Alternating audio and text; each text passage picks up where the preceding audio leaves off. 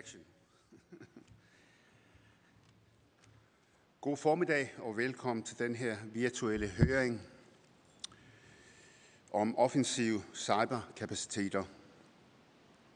Cybersikkerhed har gennem de seneste år udviklet sig til at være et af de allervigtigste forsvarspolitiske emner. Det er faktisk ikke så mange år siden, at man anså cyberkrig som noget, der fandtes i science fiction film. For mange mennesker virker det urealistisk, at man skulle føre krig ved hjælp af computere I dag ved vi, at det ikke er urealistisk science fiction. Det er i virkeligheden internettet og udviklingen inden for IT-teknologi har ændret alt. Selvfølgelig mest til det gode, men i de senere år har vi i stigende grad set, hvordan cyberspace også kan udnyttes af stater, terrorgrupper og kriminelle bander med onde hensigter. Lad mig derfor indlede denne høring med at sige tak til Ingeniør, Ingeniørforeningen for at have taget initiativ til, at vi sammen afholder denne høring om et emne, der ligger mig personligt og Folketingets forsvarsudvalg meget på sinde. Det er et meget vigtigt indsatsområde, som vi i Folketinget er bredt enige om at prioritere. Det ser man blandt andet i, de, i det igangværende forsvarsforlig fra 2018 til 2023, som et stort flertal i Folketinget står bag.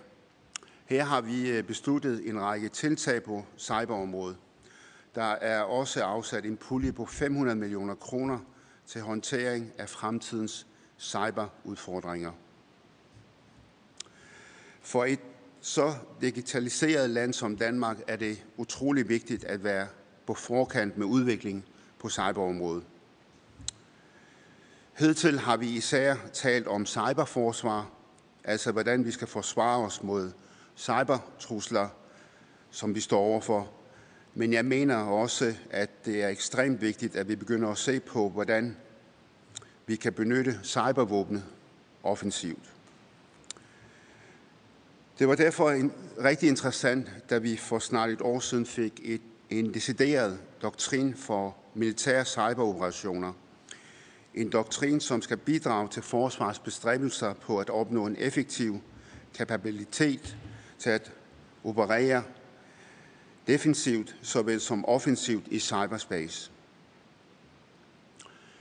Dagens høring fokuserer med andre ord på en aktuel og meget central del af dansk forsvarspolitik, som vi i Forsvarsudvalget mener, at det er vigtigt at debattere og udbrede kendskabet til. Jeg synes, der er lagt et meget spændende program for høring i dag med dygtige oplægsholdere, og jeg ser frem til at høre jeres øh, budskaber. Endnu en gang velkommen til jer alle, oplægsholdere, politiske kolleger, tilhører her og derude.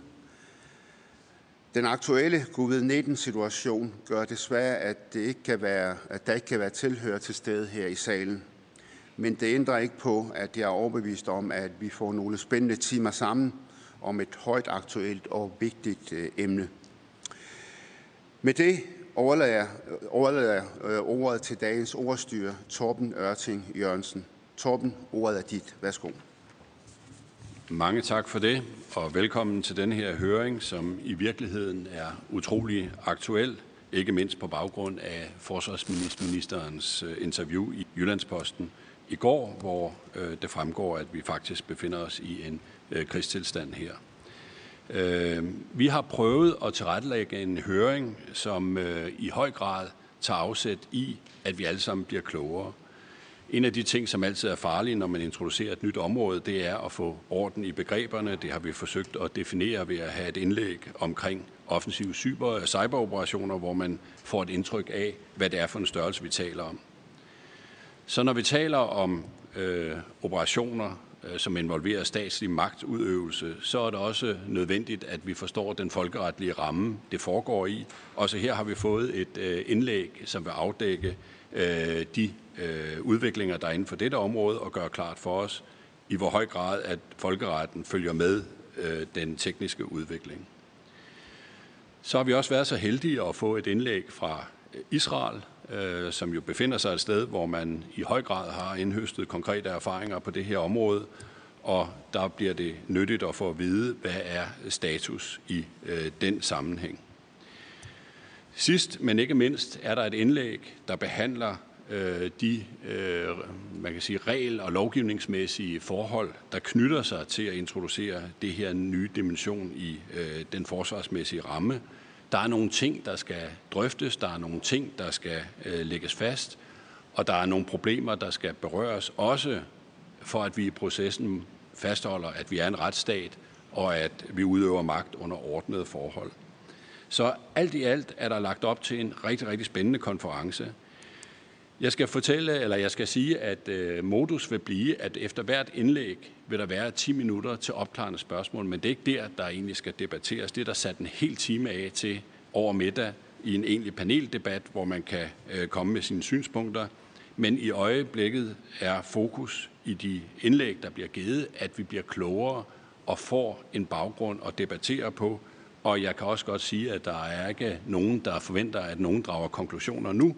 Det er sådan set et øh, forsøg på at øh, starte processen med at blive så klog, at man kan komme med et kvalificeret indspil til, hvad der skal ske for, at vi håndterer den her problemstilling, vi er præsenteret for. Det første indlæg, der kommer, det er øh, det annoncerede indlæg, hvor vi egentlig får hånden omkring, hvad offensiv cyber- cyberoperationer er, og det er Luke Herbert Andersen, Ph.D. og Associate Partner, Copenhagen Institute for Future Studies, der øh, vil gøre os klogere på det område. Værsgo.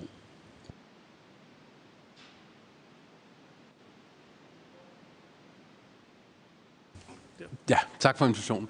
Jeg vil prøve at gøre sådan en lille smule øh, klogere omkring øh, ja, den tekniske rammer for, hvad præcis de her computernetværkoperationer er, og specifikt den, den offensive del af dem. Hvad er det egentlig, der, der er tekniske muligheder, og hvilke rammer sætter de præcis for, hvordan, hvordan cyberkrig kunne se ud.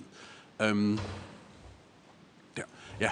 Øh, helt formelt så er CNO øh, defineret som øh, den militære brug af, af cyberspace. Øh, her kigger jeg på, på, på formelle definitioner udladet af amerikansk øh, forsvarsministerie. Øhm, og de starter med at definere cyberspace som, som det her globalt domæne inden for informationsmiljøet, øh, med alle de her uafhængige netværk, der kobler op til hinanden. Det er det her vidunder, der blev til øh, ja, i løbet af 60'erne. Øh, telekommunikationsværk, internettet, som vi kender det.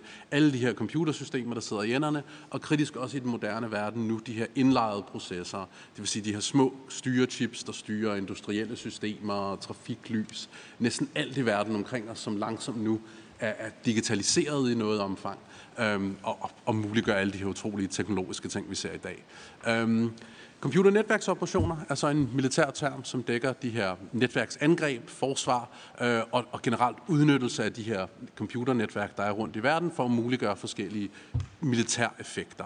Øhm, nu til dags er det faktisk en forældet term, den er man op med at bruge i, i amerikansk regi, øhm, og den er erstattet bare af, af den bredere cyberspace-operationer, så generelt simpelthen at opnå militære effekter gennem cyberspace. Øh, men i dansk regi, øh, der, der, der opererer vi stadig med CNO, øh, hvor vi så har konceptet af CNA, altså den her udnyttelse af computernetværk. Det vil jeg ikke snakke så meget om i dag, øh, men det er grundlaget for at kunne udføre både angreb og forsvar, at man på en eller anden måde går ind og påvirker de her systemer på måder, der ikke er tiltænkt. Øh, vi har så forsvarssiden, nemlig det at monitorere og analysere præcis, hvad der er, der sker i netværk, og bygge forskellige mekanismer for at forhindre, at, at utiltænkte ting sker. Øh, og så har vi så angrebssiden, som, som er det, vi skal snakke om i dag, som er de her handlinger, der er foretaget gennem computernetværk for at forstyrre, nægte, nedbryde eller ødelægge information hjemme i dem. Og i dag er det jo ikke blot informationen, der kommer til skade. Det er jo de her systemer, de, de er ikke længere passive maskiner, der sidder på vores skrivebord. Det er maskiner, der styrer kritiske funktioner omkring os, der hjælper vores biler med at navigere, der styrer hospitalsudstyr osv., som kan forstyrres, og, og derved altså skabe reelt fysisk skade i den, i den, i den fysiske verden. Øhm, der, ja. Så i praksis, øh, ja, der er øh, igen taget, taget fra, fra noget arbejde for Rand Corporation, så er, er den typiske doktrin, man ser rundt i verden, når man snakker CNO-operationer og CNA, det er, at det indgår som et sæt af en bredere sæt informationsoperationer. Der er traditionel elektronisk krigsførsel, altså aflytte signaler og forstyrre radiosignaler på forskellige vis. Øh, signal efterretning, altså aflytning, øh, den her kategori af ting. Det er der, det der populært hedder SIGINT i den bredere verden. Hele området af, psykologisk krigsførsel, altså på en eller anden måde skabe en psykologisk effekt i fjender, om det, det er bredt eller, eller enkelte individer. Og så over her den lille af cirkel, som nu langsomt er begyndt at fylde mere og mere af det her informationsrum. Det her det, det er et øjebliksbillede fra 2013, men hvis man skulle se frem til i dag, kan man forestille sig, at den lille af cirkel i noget grad har vokset og dækker efterhånden flere og flere af de her andre informationsudførelsesområder. Øhm, typisk når vi så snakker at bruge cyber, offensive cyberkapaciteter, så er det jo typisk idé, at det foregår inde i nogle, et sæt større generelle militære operationer. At det skal være noget, der faciliterer at opnå en eller anden militær effekt. Det et fornyeligt eksempel her er omkring to år tilbage, hvor øh, nogle iranske, ja, der var nogle tankeskib, der blev muligvis angrebet af Iran øh, i Golfen, Øh, nogle raketter blev sendt afsted imod dem osv.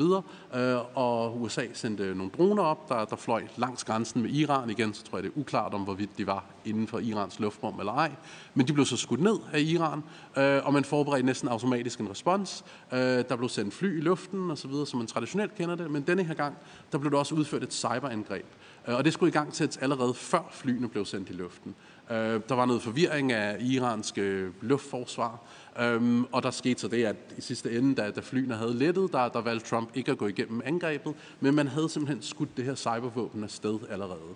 Det er så siden den blevet begyndt at blive analyseret, der begyndte begyndt at komme nogle, nogle første tidlige analyser, men når våbnet er skudt afsted, så er det her kode derude, de sårbarheder, der er fundet, både for, angreb, eller for, for Irans side, kan nu kan hullerne lappes, det angreb kan nok ikke udføres igen, men igen har de også fået besiddelse af de her teknikker og hvad der indgik i det våben, der så kan genbruges til andre angreb. Øh, og det er jo den her, det her problem, at når, når cybervåben bruges, så er de pakket ind i den her større militære ramme, men de har en, en lidt anden natur end mange andre traditionelle militære magtmidler. Øh, så hvordan udføres CNA-operationer helt konkret? Nok det bedste eksempel, vi stadig har i dag, øh, det er Stuxnet. Øh, det var, var relativt lige til idé. Øh, Iran var i gang med at berige uran. Det, øh, det var der en, en, en lyst fra, fra den vestlige side til, til at forhindre.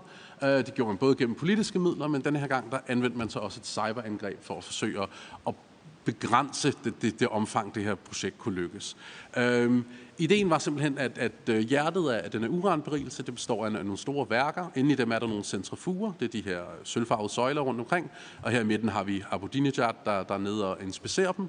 Øhm, det, det, det lykkes, øh, ja, det, det som Stuxnet i øh, hjertet gik ud på, det var, at de her centrifuger, de snor enormt hurtigt rundt. Øhm, og alle ting, der, der er rigide, der, der er udsat for bevægelse, de har det, der hedder en resonansfrekvens.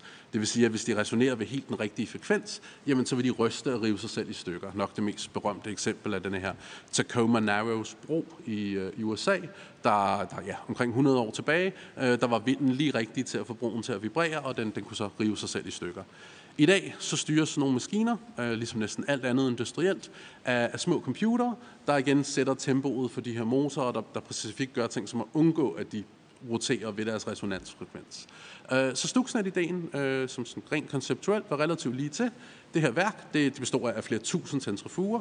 Der var et kontrolcenter, og øh, den normale operation er, det er simpelthen, at dem fra kontrolcentret, de sender kommandoer ned gennem det her, i det her tilfælde Siemens styresystem, og det skal lige siges, at de her industrielle computerstyresystemer, der er relativt få af dem. Der er en, en række store globale udbydere, men der er ikke så meget variation.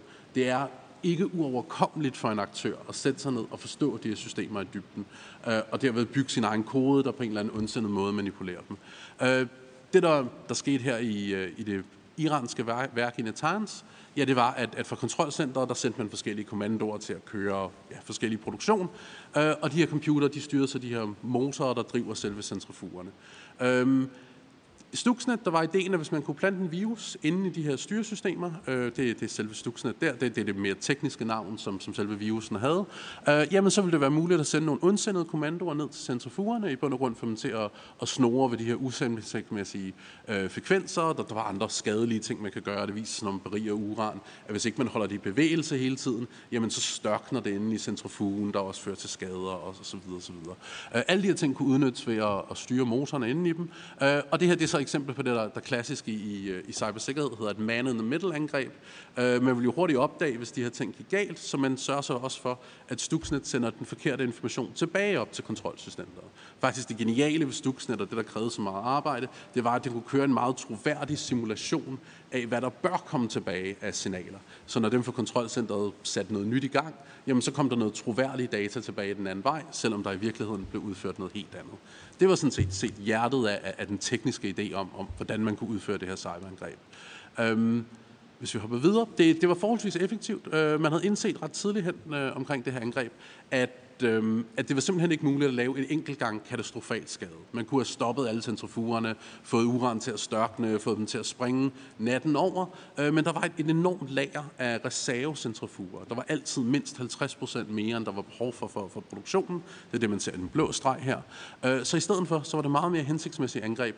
Det var simpelthen at sænke effektiviteten af værket, og det er det, man kan se fra den røde streg øh, på, i den gule kurve, øh, at efter angrebet går i gang, jamen så begynder man at falde og forbliver lidt under den ønskede produktivitet. Det var det bedste, man kunne opnå i nok det, det mest avancerede angreb. Det var denne her langsom degradering over en længere periode. Det havde simpelthen mere værdi end at, at fuldt ud stoppe produktionen, men nok igen se et helt nyt værk op og køre igen ikke så længe efter. Og det er typisk for mange moderne cyberangreb i dag. Det er ikke ofte målet at skabe en enkelt katastrofal skade. Der er mere tale om en slags langsigtet industriel sabotage og sænke effektiviteten af en eller anden kritisk proces for, for en modstander. Um, I det her tilfælde, ja, lige præcis, der var fokusen på at, at degradere effektiviteten, uden at der skete katastrofal skade. Øhm, for at give et eksempel på, hvor godt det fungerede, ja, Pakistan øh, havde brugt et meget lignende operationelt setup, øh, store ligheder mellem deres atomvåbenprogram og det iranske.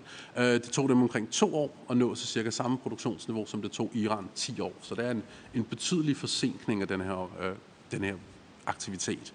Uh, Udover det, så var der nogle, nogle utrolige sekundære psykologiske effekter. Der var enormt mange af de her ingeniører, der, der simpelthen ikke kunne finde ud af, hvad der gik galt i deres systemer. De fik jo som sagt de rigtige rapporter tilbage den anden vej.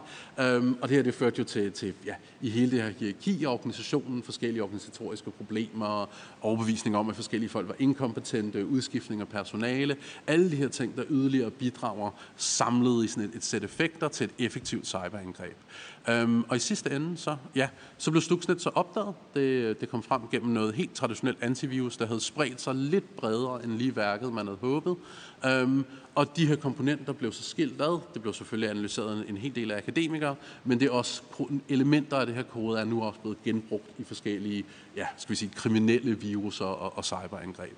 Øhm, Lige omkring udførelsen, det skal siges, at Stuxnet var noget lidt exceptionelt. Det, det, selvom om rent ressourcemæssigt har det ikke krævet noget exceptionelt. Uh, her er en vurdering fra Kaspersky om, om hvor stort et hold du nok skulle bruge til at gøre det.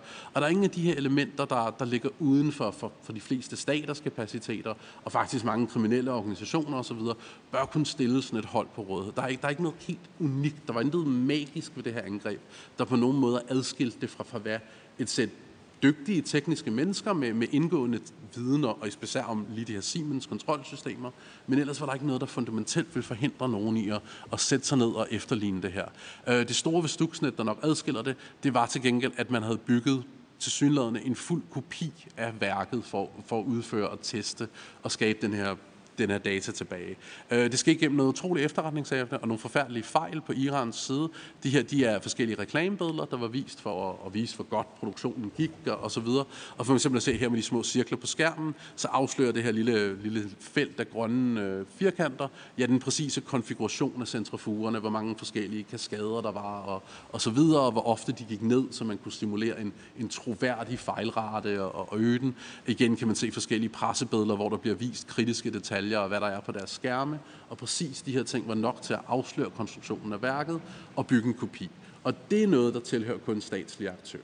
Det er de færreste kriminelle aktører, der vil kunne booke et, et, et troværdigt uranberigelsesværk. Nemlig på grund af naturen kan du heller ikke simulere det med en anden gas. Hvis du virkelig vil, vil komme ind og finde de rigtige resonansfrekvenser, skal du bruge ting, der, der præcis er uran eller meget, meget tæt på. Øh, og det er igen begrænset til meget få aktører. Men der var intet andet ved det her angreb, der, der var specifikt statsorienteret.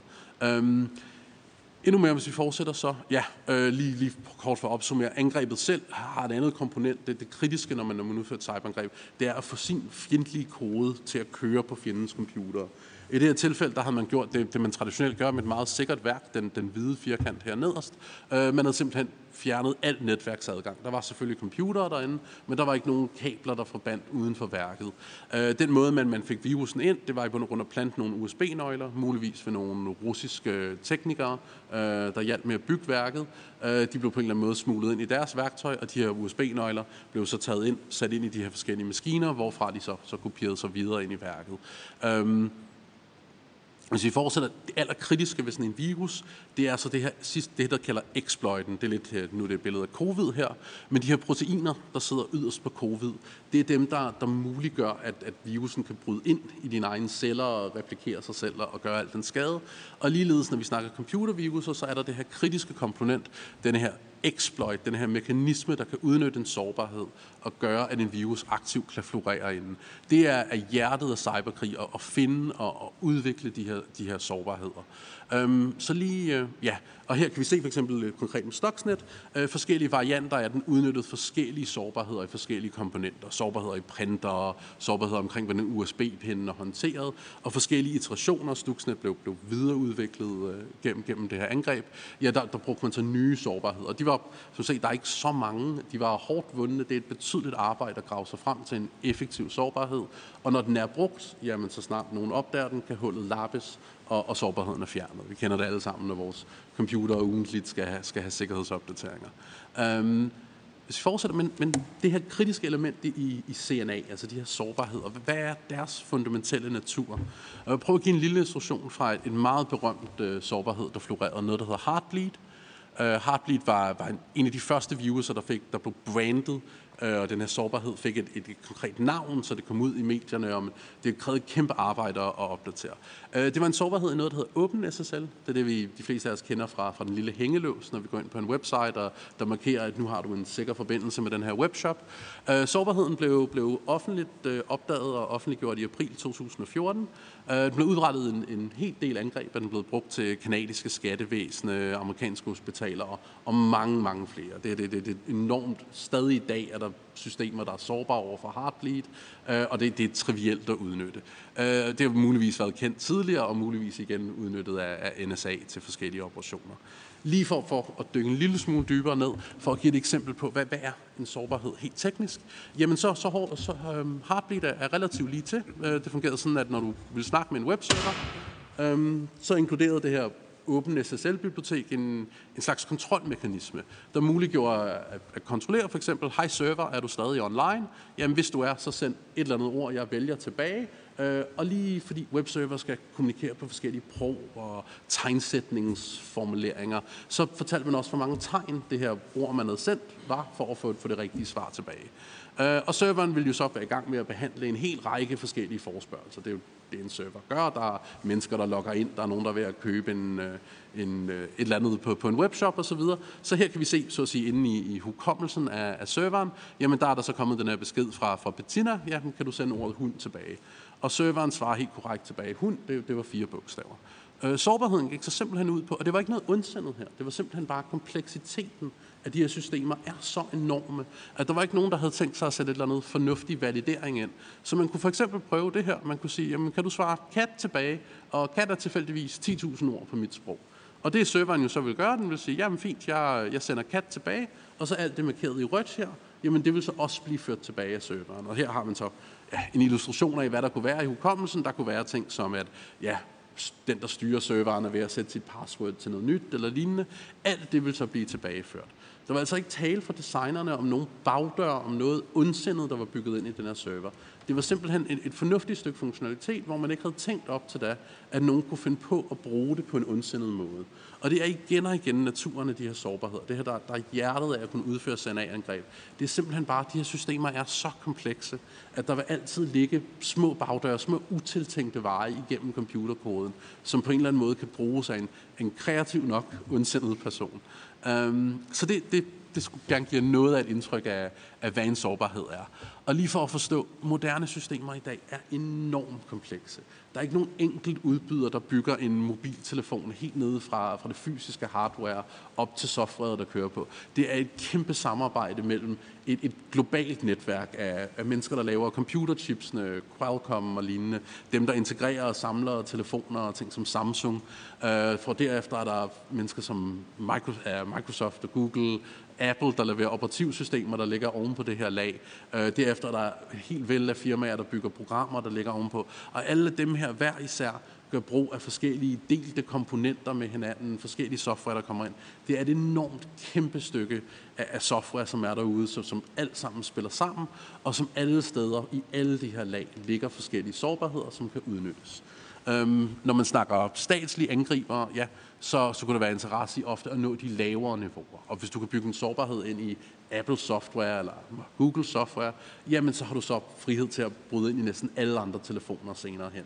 Igen, kan du ændre en, en computerchip, der ligger til bunds for en hel familie af, af produkter, jamen så har du fået adgang til dem alle sammen. Så der er et naturligt skub for folk, der gerne vil eje effektive CNA-kapaciteter, for at prøve at at afdække, eller om det ikke er muligt at afdække og inkorporere sårbarheder så dybt nede i de her systemer som muligt. Så det bliver så bredt ud. Hvis du igen, som sagt, så kan såre et operativsystem, jamen så alle computere, der, der har det operativsystem, vil nu være sårbare. Um, ja, uh, det, det var lige en, en bredere illustration af præcis, hvor, hvor komplekse det er, hvis vi skulle bore ned her på hvor det her SSL-bibliotek med Heartbeat var, jamen så lå det inde i operativsystemet, som bestod af en masse små biblioteker, hvor der så var det her SSL-bibliotek, og helt nede i hjertet af det her SSL-bibliotek var der den her ene funktion med den her fejl. Og det er, er virkelig en oversimplificering af, hvor kompleks de her systemer er. Um, så hvad er prisen på CNA? Hvad koster det os at, at have et, for den tekniske side at have en CNA-kapacitet? Um, øhm, sårbarheder, der, der skal man simpelthen vælge, når, når en er opdaget, vil du bruge den til angreb eller forsvar. Når du har den her dobbelte mission, at du både vil kunne angribe og forsvare, jamen så sidder du med en udfordring. Hvis du finder et hul, jamen du kunne rapportere det til Microsoft, der vil, vil lave en sikkerhedsopdatering og lukke hullet, eller du kan holde det tilbage og muligvis bruge det til at ja, foretage efterretningsindsamling eller muligvis også angreb. Øhm, sårbarhed, det kræver betydeligt arbejde at finde. Det er ikke trivielt. Det er, er noget, der kræver mange timer, kræver ofte dygtige mennesker, der, der er nysgerrige nok til at pille ved et system, der har den rigtige tekniske viden. Cybersikkerhed er ofte ja, en af de kronende discipliner, vil jeg sige, inden for, for, for computer og science generelt, nemlig fordi det kræver denne her, denne her dyb forståelse af systemerne, og så måske det mindset, at man er villig til at, man kender alle reglerne, hvordan kan jeg så bryde dem? Og det, det kræver ofte en, en del erfaring. Så det er svært at finde dem, og det, det kræver betydeligt arbejde. Øhm, når de er opdaget og, og brugt, så er det ofte et enkelt skud, man får. Så snart de, de begynder at brede sig ud, så bliver de fanget op af, af forskellige detektionssystemer. De bliver skilt ad, sårbarheden bliver analyseret, og, og, og der kommer sikkerhedsopdateringer. Så, så de, de varsomme om at bruge dem, når, når de skal fyres af i et cyberangreb. Øhm, her kan vi simpelthen se øh, lige præcis priserne, der, der gælder, og det er endda et par år gammelt. Det er fra, øhm, øh, fra The Economist øh, 2013, og der er en vurdering af forskellige priser til sårbarheder til forskellige kendte stykker sårbar, software. Ting som Internet Explorer, øh, og det er det nogle år tilbage. Jeg kan se Windows 10 ikke engang er med, men det var en halv million dollars, øh, sådan et, et sårbarhed vil løbe for. Ikke? Øhm, sårbarheder, øhm, så kan man ikke selv finde sårbarhederne, man kan selvfølgelig købe sig til dem, men er der ikke nok, eller er der ikke lige de systemer, de er nemme at finde, jamen så kan man selvfølgelig skabe dem. Og det her, det ved vi nu fra, fra Snowden-afslørende, ikke blot en, en, en teoretisk mulighed. Uh, vi har kendt det i flere tilfælde. Der var for nylig noget her i Berlinske omkring uh, Krypto AG, et øh, svejsisk firma, der lavede sikre faxmaskiner mange år tilbage. Øh, men der havde det, det været opkøbt af, af NSA, eller de i hvert fald haft en, en, en styrende aktieandel. Øh, og man har selvfølgelig ændret de her produkter på måder, der gjorde det muligt at aflytte dem. Øh, vi har også mistanke om, at nogle amerikanske standarder for tilfældige talgeneratorer, der har NSA igen infiltreret de her grupper, der har udviklet standarderne, øh, sørget for, at de tilfældige tal, der, der er kritisk i meget kryptografi, de ikke var så tilfældige, som, som man nogle gange havde håbet. Øh, så der er de her muligheder for at kopiere de produkter, de værktøjer, vi alle sammen er afhængige for. Og det er næsten en nødvendig del af at bygge et stærkt angrebskapacitet. Og det, det kommer jo ved en vis pris til, til civile brugere af de her systemer. Øhm, hvis vi fortsætter lige en enkelt slide, så er der også det andet store udfordring, som, som vi teknisk skal forstå med det her. Det er, at det er meget svært at skælne et angreb for et forsvar. Øh, I traditionel krigsførsel, jamen der kan man kigge ud, man kan finde 12 jægersoldater, der gemmer sig ude i sin ørken, og så kan man sige, okay, men det her det er ikke en fuldbyrdet krigshandling, det er kun 12 mennesker, der er ikke tale om, at mit styre vælter i morgen. Øh, det er meget, meget sværere med cyberangreb. Forberedt cyberangreb, det er 99 procent af arbejdet. Det er et kæmpe arbejde at grave sig ind i de her systemer, som vi så med det iranske eksempel, analysere alt det her, få plantet sin kode lige det rigtige sted. Og når du så som forsvar, ja, når, når du finder fremmede kode inde i de systemer, så tager det lang tid at analysere. Det er ikke som om, du kan plukke det op med det samme og vide, hvad, hvad det er, der har af kapaciteter. Øh, det vil tage, tage lang tid, så for, for en, en mere senior person, der står i en forsvarssituation, så skal du tage en næsten øjeblikkelig beslutning, om det her kode, der nu er måske bredt i hele dit telenetværk, er det noget, der blot aflytter vores telefonopkald, eller er det noget, der om et øjeblik lukker ned for kritisk kommunikation i samfundet, for hospitalsvæsen, politikommunikation. Øh, det vil næsten være umuligt at have det fulde information til at tage den her beslutning i det øjeblik. Det er noget, der gør cyberkrig ualmindeligt farligt på denne her måde. At det er så svært for forsvaren at vide, om der er tale om efterretningsindsamling eller et fuldbyrdet angreb. Ja, tak for jeres tid. Det var alt, hvad jeg havde. Tusind tak for et spændende indlæg, som gjorde os klogere på, hvad den størrelse, vi diskuterer, egentlig er. Øh, nu er der øh, mulighed for opklarende spørgsmål. Vi er en lille smule over tiden, men det går stadigvæk. Øh, opklarende spørgsmål til Herbert her, så kommer de nu.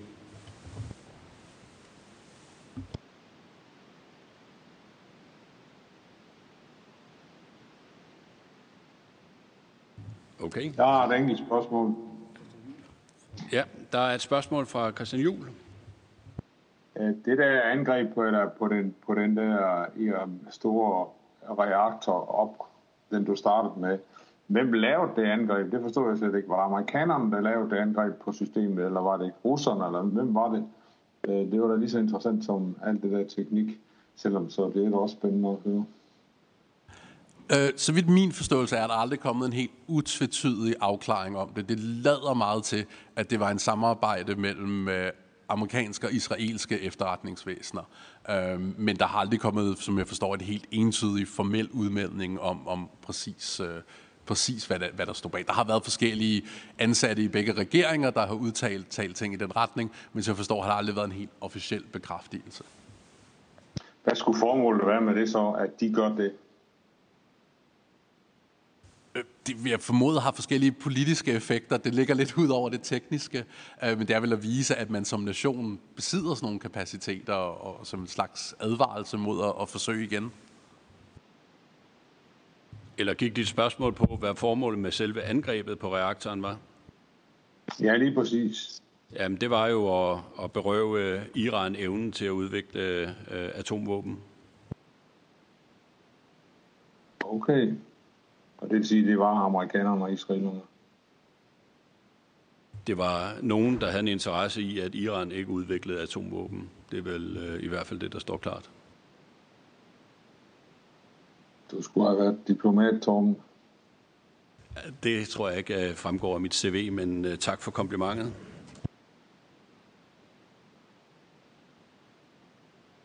Er der yderligere spørgsmål? Der er, det er således, at øh, vi jo selvfølgelig har mange deltagere, der sidder ude på nettet. Øh, John, har vi nogle spørgsmål derudfra? Jamen, øh, du er ret, Torben. Vi har over 130, der sidder med derude på et webinar, der muliggør, at øh, vi kan få interaktion med borgere, der, der, der følger det her. Øh, normalt er det sådan, når vi, vi kører Folketingets TV, så er det faktisk kun envejs kommunikation mellem politikere og andre. Men øh, i dag har vi muliggjort, at øh, over 130 kan være med og stille spørgsmål.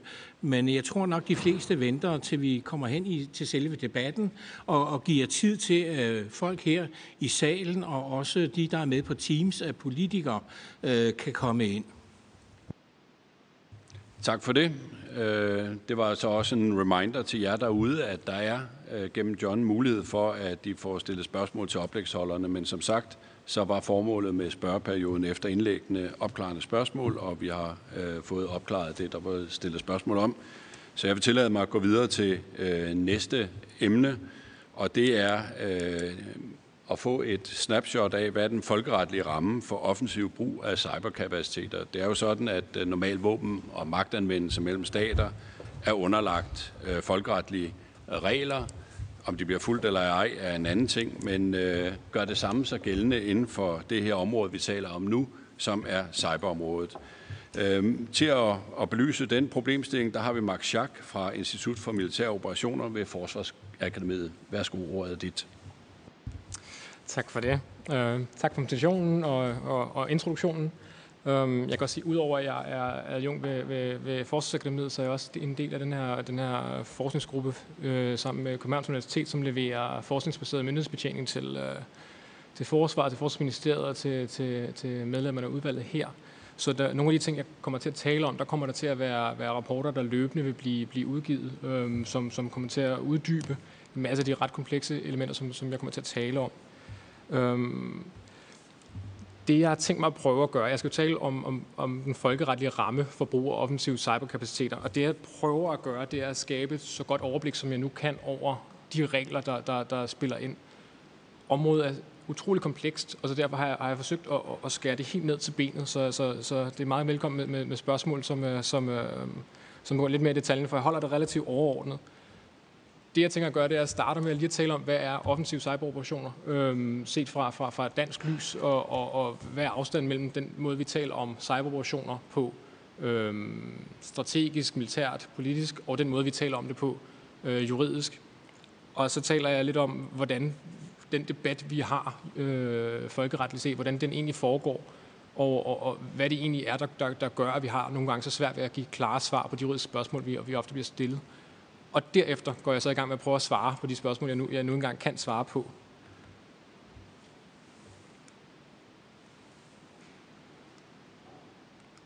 Der er sket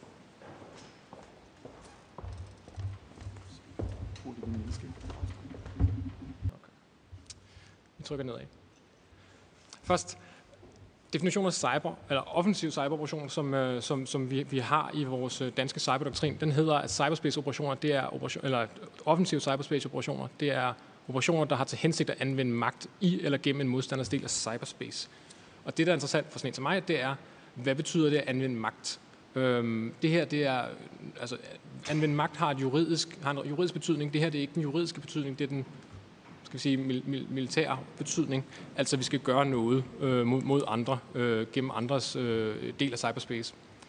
Så vi skal være opmærksom på, at det her det er, er altså ikke en juridisk definition, det er ikke et juridisk dokument, men det er, er, er noget, vi skal bygge ovenpå. Så det, jeg prøver at, at, at, at afklare, det er lidt, hvad ligger der under det her anvendt magt? Øhm, og det, det er det, der definerer, hvad man må og hvad man ikke må juridisk. Øhm, og så bliver det lige hurtigt meget mere komplekst end, end, end bare den her lille kort definition.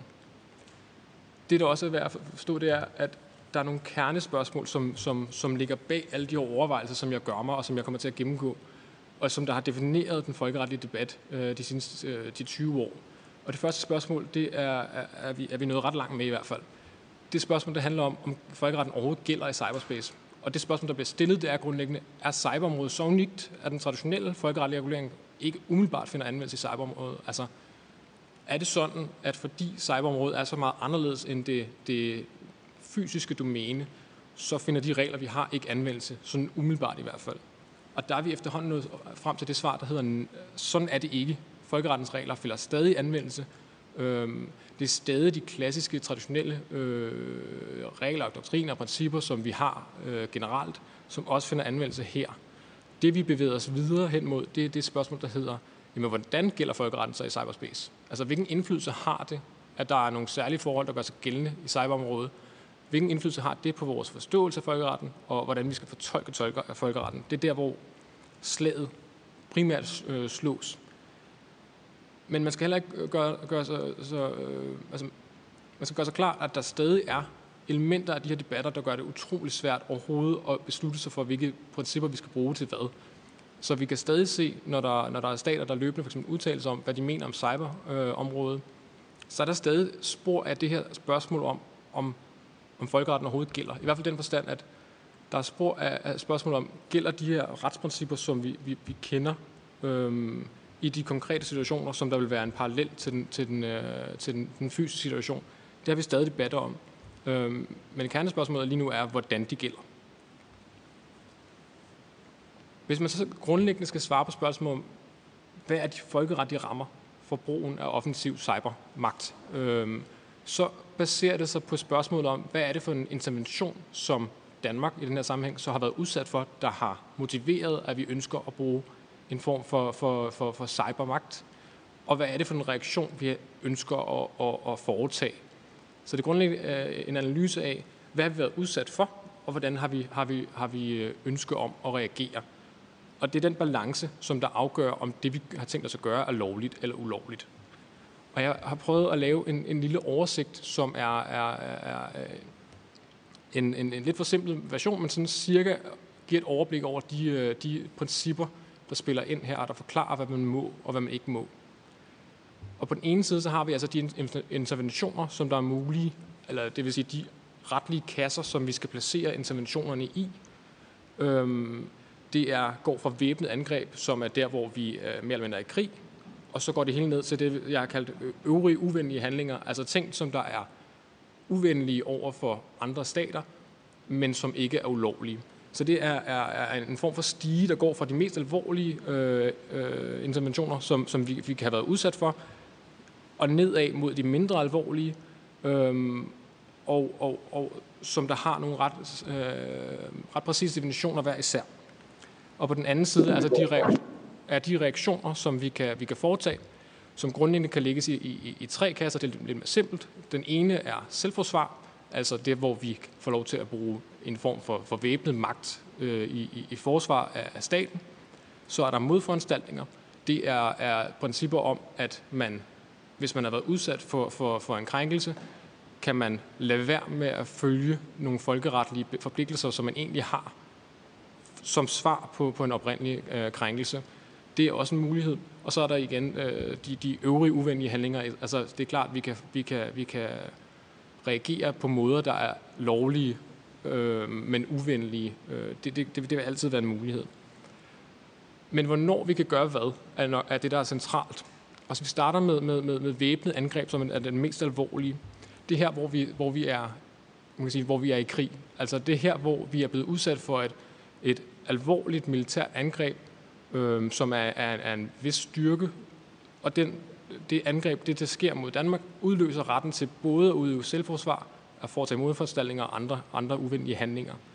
Øh, så bliver det selvfølgelig helt ret centralt at vide, hvad er et væbnet angreb? Altså, hvornår er vi der, hvor vi er udsat for et væbnet angreb? Øh, og det, de, klare, øh, de klare svar, de ligger der, hvor Danmark har været udsat for, for noget, der, der betyder, altså et cyberangreb, der betyder, at mennesker dør, som øh, det er formentlig mere end, end nogle helt få, eller at, at, at der er noget, noget større øh, materiel, der går i stykker. Der, der er, er noget, noget, der fysisk går i stykker. Øh, det vil være der, hvor vi, hvor vi nærmer os, at vi, er i, vi har været udsat for et væbnet angreb, der giver os ret til at svare igen med militær magt, øhm, sådan at vi også kan slå ihjel på den anden side, eller vi også kan ødelægge ting fysisk. Øhm, der bliver det noget sværere, hvis vi ikke har de her klare fysiske øh, skader. Øh, hvis det ikke er det, vi ser. Hvis det, vi ser, er ikke fysiske skader. Hvis det er, er øh, komponenter i vores samfundssystem, altså hvis det er vores... Øh, øh, sundhedssystem, der bliver ramt, men ikke, øh, der er ikke nogen, der dør af det, eller hvis det er vores transportsystem, der, der er ramt, men der er ikke noget, der som sådan går i stykker. Det, skal, det, det, det går bare i stå, så at sige. Hvor, øh, hvis man har den type angreb, vil der så være nogle angreb, der ikke er fysiske konsekvenser, men som er alvorlige nok til, at vi kan sige, at vi også har været udsat for et væbnet angreb, der betyder, at vi kan svare igen med væbnet magt. Og der går, der går debatten nu mellem en, en, en ja og en nej side. Øhm, og når, når, når eksperter sætter sig ned og, og taler sammen og forsøger at blive, at blive enige om, hvor vi er henne i det her, øh, det her spørgsmål, så kan de ikke blive enige.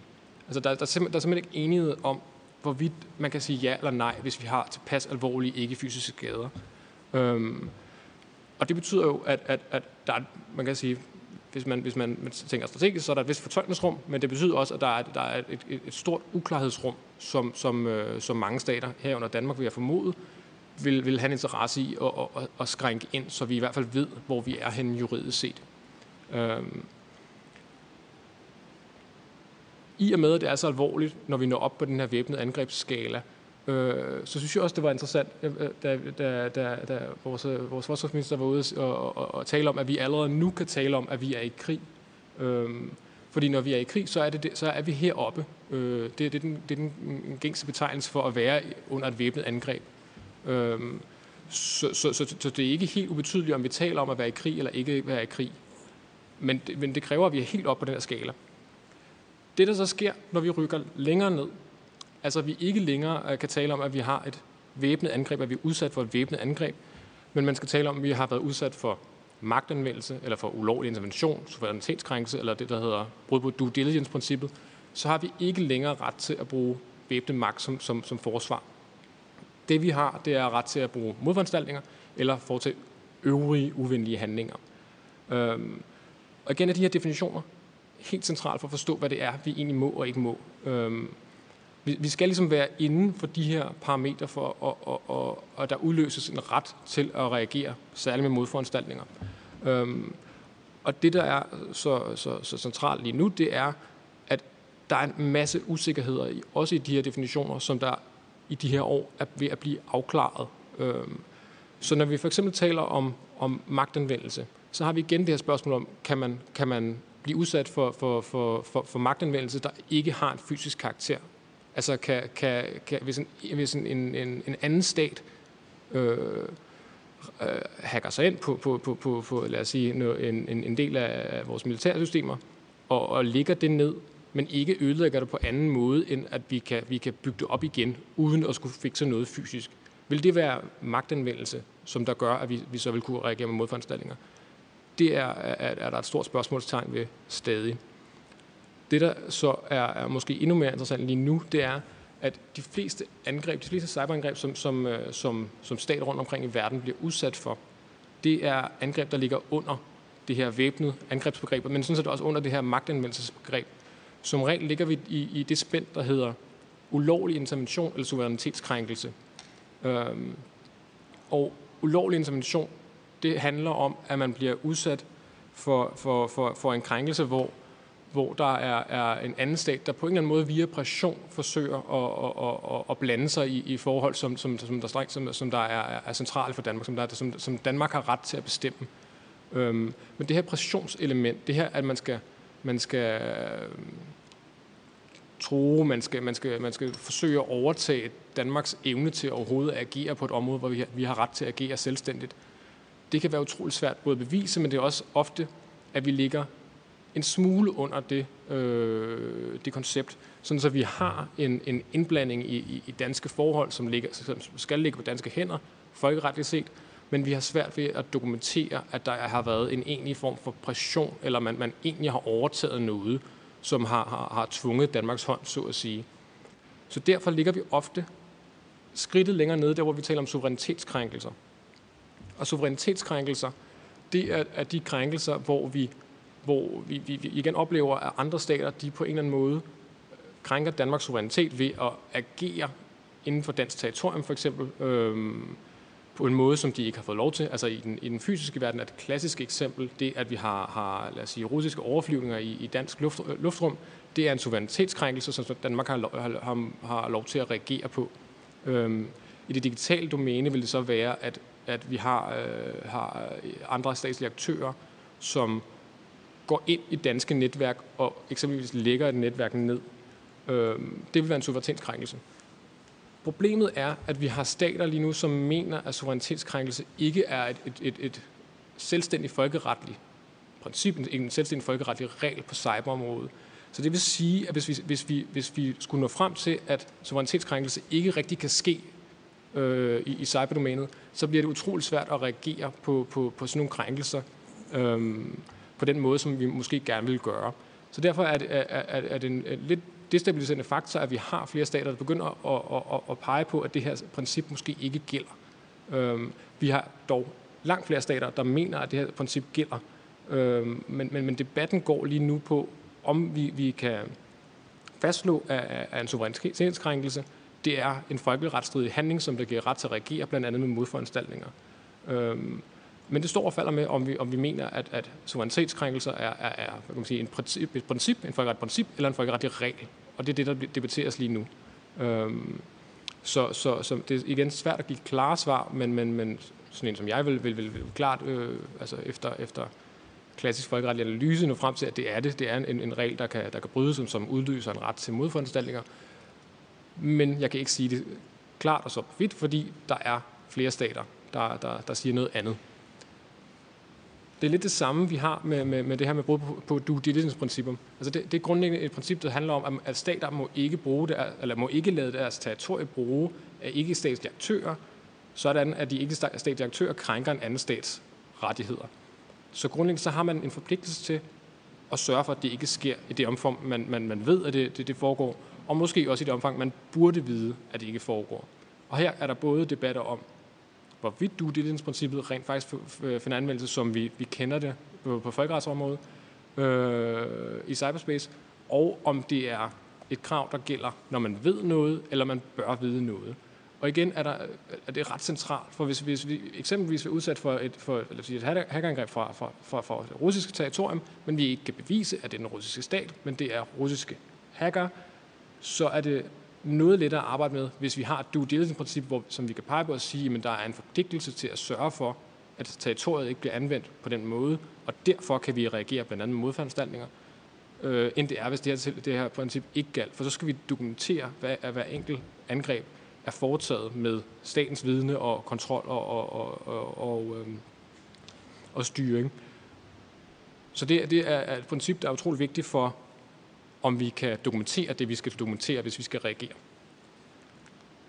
Og inden jeg går videre, jeg, ved det, øhm, det jeg taler om hele tiden, det er, er, er grundlæggende retten til at foretage modforanstaltninger, altså retten til at bryde folkeretten som svar på et brud mod os.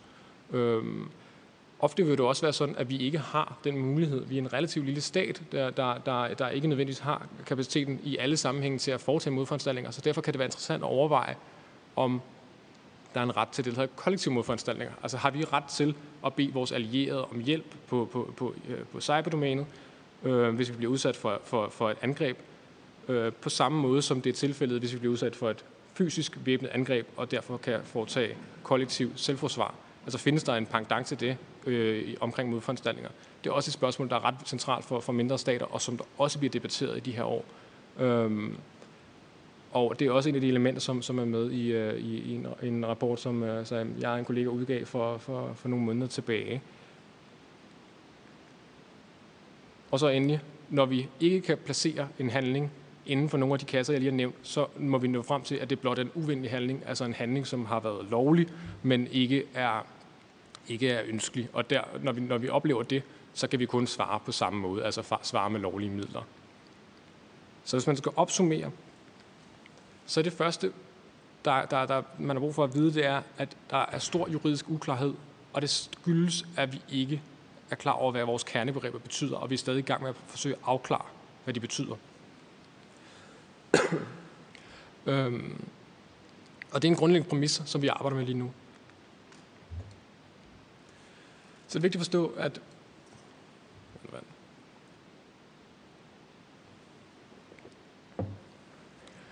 at hvordan vi forstår, hvad de her kernebegreber betyder, det er det, der afgør, om vores handlinger er lovlige eller ulovlige. Så derfor er det ret centralt at vide, hvad kernebegreberne betyder. Og endelig så er det værd at forstå, at Danmark har ligesom mulighed for at skubbe til den her juridiske udvikling, hvis vi ønsker. Og vi har også mulighed for at forsøge at påvirke den her udvikling. Når jeg taler om, at der, at der er debatter, der foregår, så betyder det, at der er både jurister som mig, der sidder og tænker over det her, men der er også stater, der løbende offentliggør, hvad de mener om folkeretten. Øhm, inden for de måneders tid er der kommet, jeg tror det er fire nye stats øh, udtalelser om det her.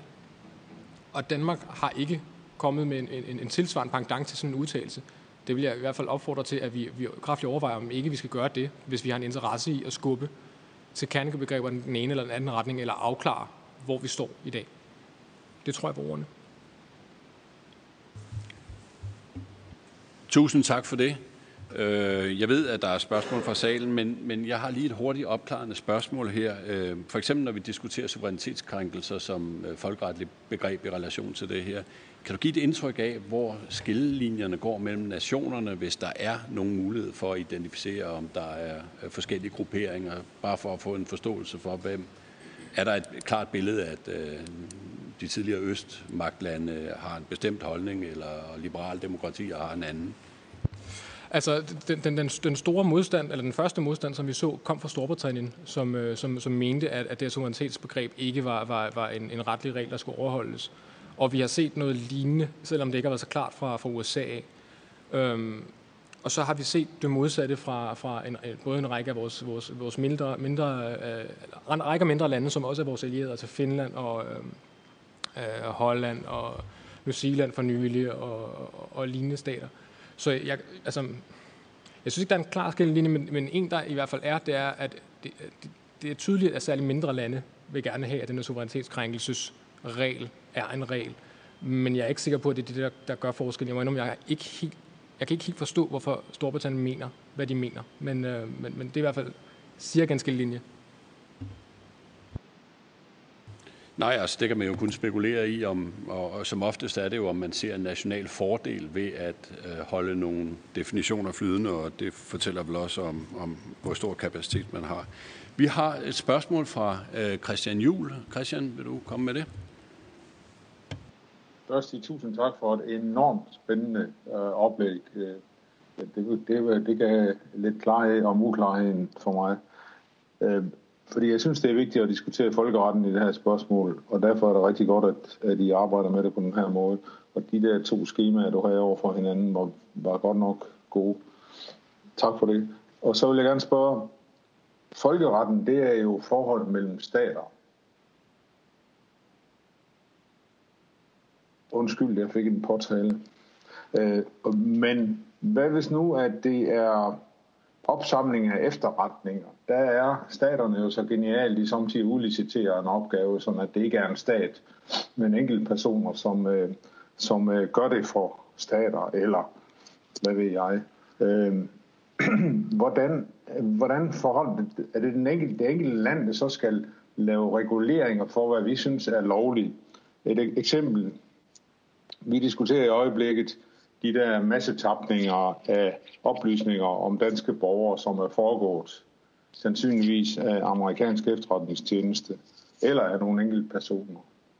Det bliver jo interessant at få mere at vide om, hvis vi nogensinde får det at vide. Men hvordan skal man håndtere sådan noget? Er det også et folkeretsligt spørgsmål, eller er det et rent internt dansk forhold, om det er lovligt eller ulovligt?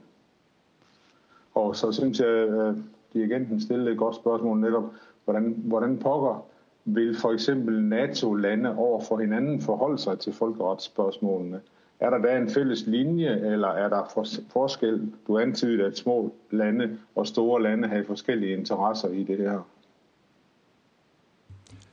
Ja, altså man kan sige det sidste først. Øhm, der er nogle skillelinjer, som jeg, ja, der, som jeg sikkert ikke forstår, men der er i hvert fald den skillelinje, der hedder øh, større og mindre stater. Øhm, eksempelvis så, så det her spørgsmål om kollektive modforanstaltninger, der har vi, har vi et par stater, der har været ude og støtte den, den mulighed.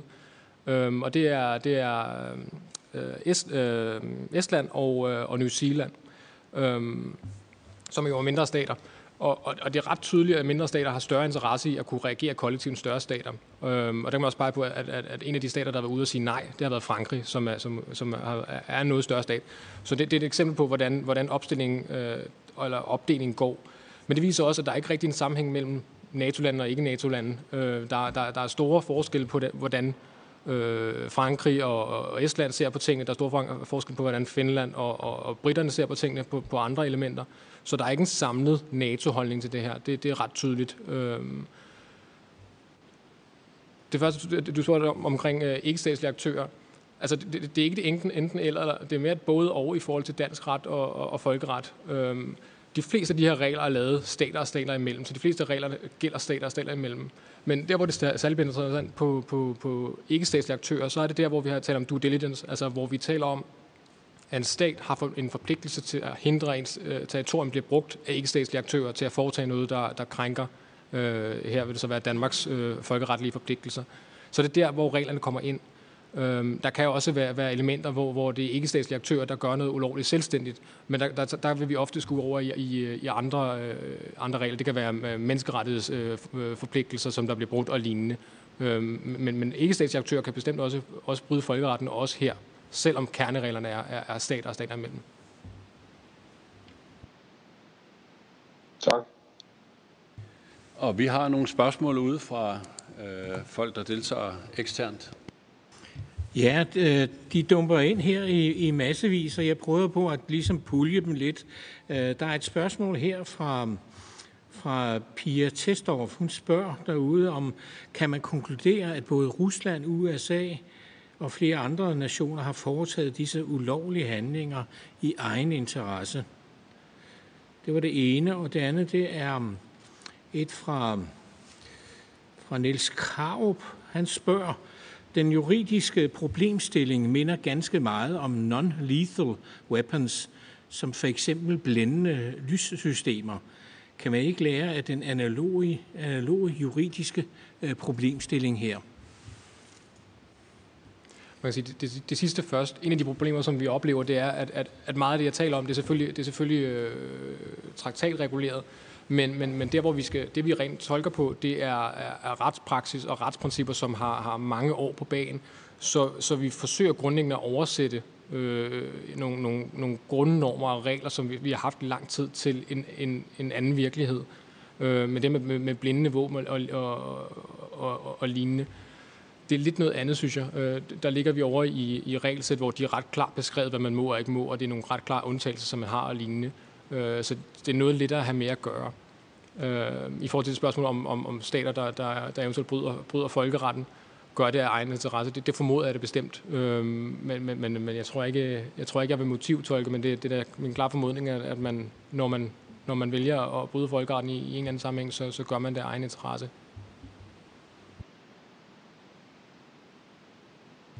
John, har du øh, flere spørgsmål ude fra Cyber?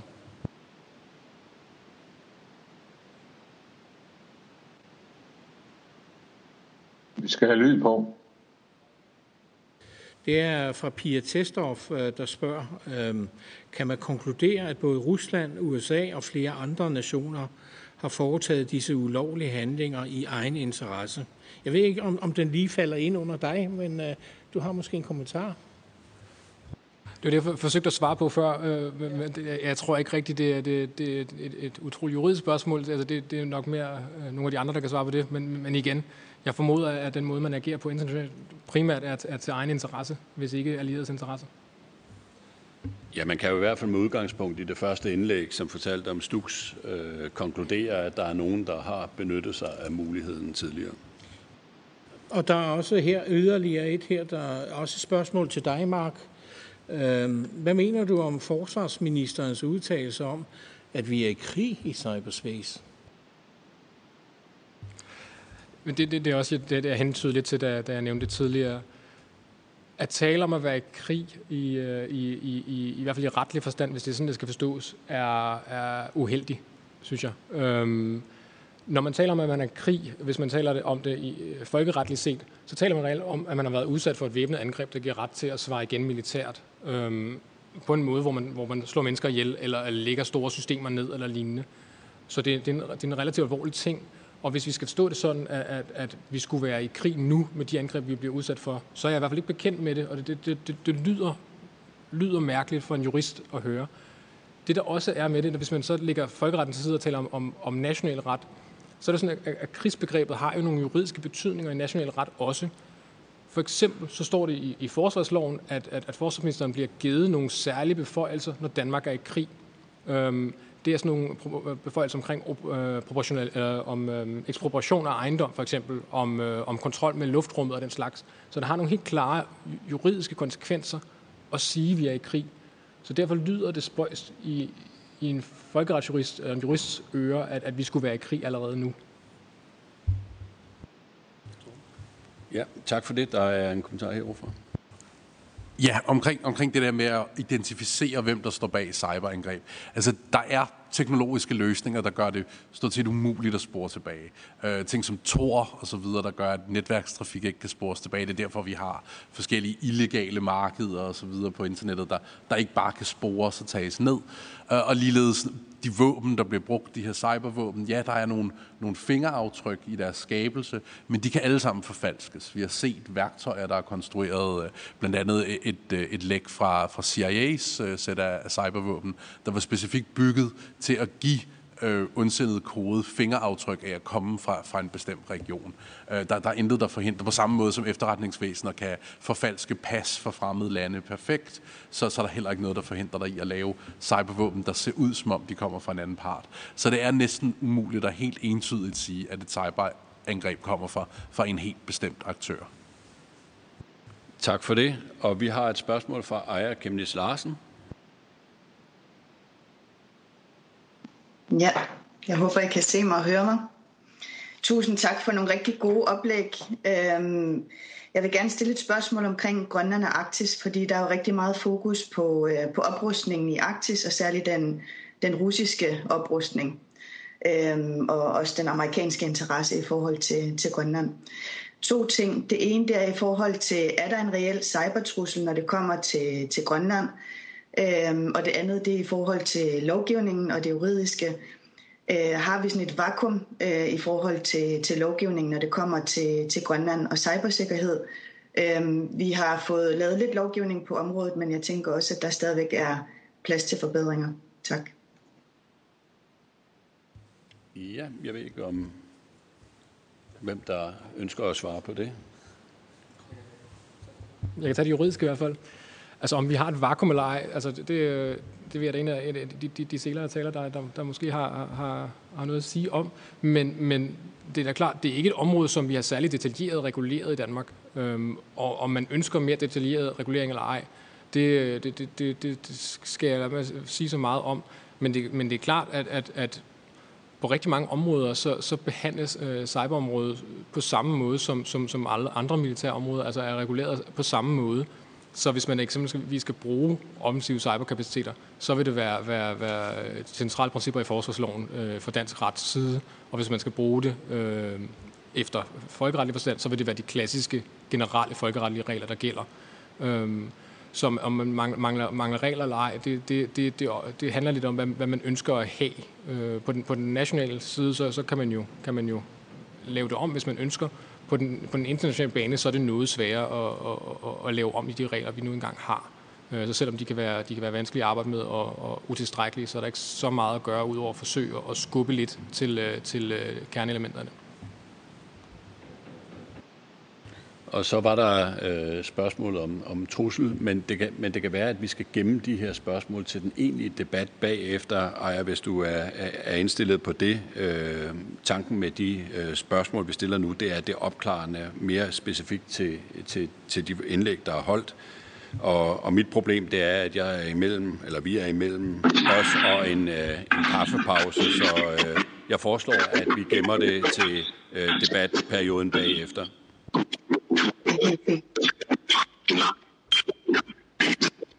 Okay, med disse ord og med lidt øh, øh, interferens udefra, kan jeg konstatere, at vi er nået til kaffepausen. Jeg vil bede jer alle om at være tilbage kl. 11.20.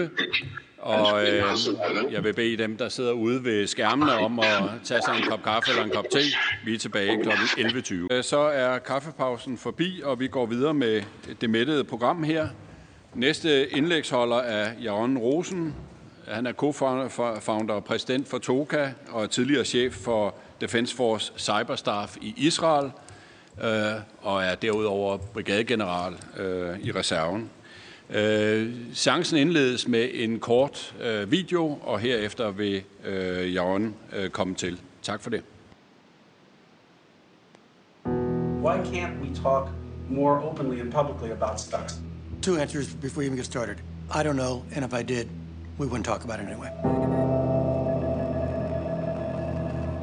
Something as simple and innocuous as this becomes a challenge for all of us to maintain accountability control of our critical infrastructure systems. This actually contains the Stuxnet virus. It's impacting industrial control. Is this something that's coming after the homeland? If you get up in the morning and turn off your alarm and make coffee, power plants, power grids, and pump gas, transportation, telecommunication, and use the ATM, you've touched industrial control systems. It's what powers our lives. Most of these systems are relatively easy for a sophisticated hacker to get into. The security experts who are studying Stuxnet really think it required the resources of a nation state. It spread to any Windows machine in the entire world. We didn't know if it was set to turn off all electricity plants around the world or it would start shutting things down or launching some attack. Det er. Centrifuges, and it was leaving no trace. There had been assassinations of nuclear scientists. Some human assets had to be involved. Spies. It went beyond our worst fears, our worst nightmares. This is not your ordinary criminal doing this. This is someone bigger. The monster turned against its creators, and now everyone is in this game.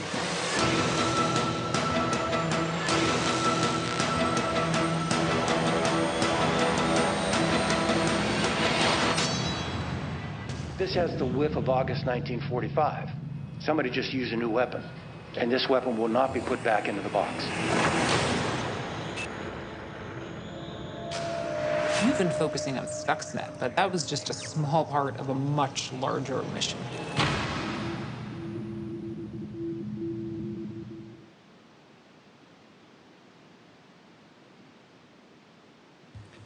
Thank you very much. Mange tak, Jaron. Du får hermed så ordet. Ja, tak for det. Og jeg håber, jeg går godt igennem. Tak for invitationen og den venlige introduktion. Jeg vil prøve at give så mange oplysninger, som jeg kan, og øh, hjælpe jer i de processer, I er i gang med at tænke over.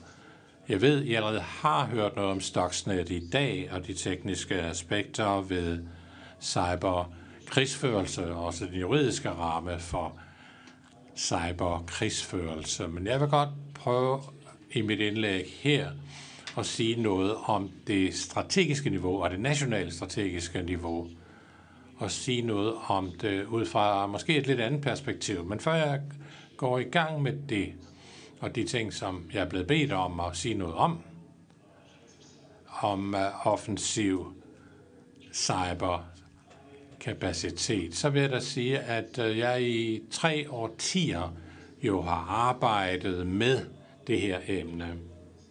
Det digitale er lidt forvirrende for mig stadigvæk, selvom jeg arbejder med det i så mange år. Jeg har jo været operativ, har været i gang med at arbejde for militæret rigtig mange år. Og øh, da vi så skulle arbejde med cyberspace, så var det strategisk vældig interessant, men også meget udfordrende. En stor udfordring for mig personligt. Så det er godt, hvad man skal prøve at forstå her, når vi drøfter det her. Så er det ikke det snævre spørgsmål om, hvorvidt vi skal have øh, denne Øh, evne til at gennemføre det her eller ej, men mere et spørgsmål om, hvad har vi brug for at have i vores dage? Og hvordan hænger det så sammen med vores nationale sikkerhed og vores opbygning af en national strategi? Så det er den måde, jeg vil prøve at tilgå emnet på.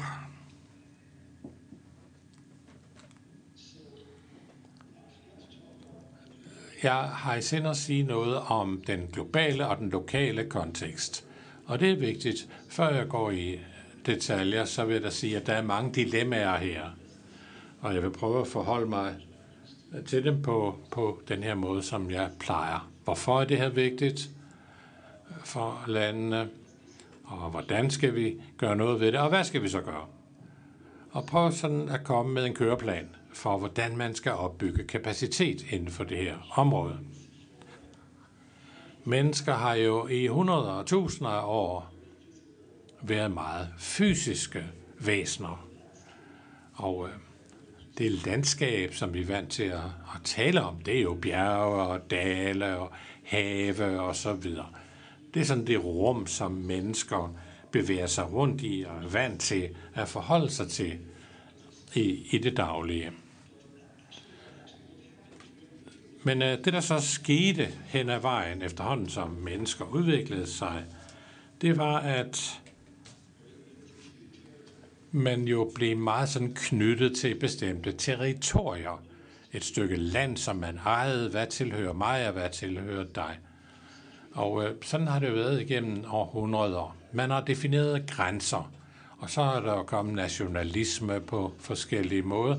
Og vi har så det kort, som vi har i dag med lande, nationer, som har deres egne regeringer, de har deres egne forsvar, og de har deres egen lovhåndhævelse for at beskytte deres stats suverænitet. Det er fint nok, det er fint. Det er jo sådan, verden ser ud, og sådan har den set ud, kan man sige, i hundreder af år. Men samtidig, så har mennesker jo også rejst. De har bevæget sig fra det ene sted til det andet, et sted i verden til et andet sted i verden. Det her, det er faktisk kort over skibsfartens hovedlinjer.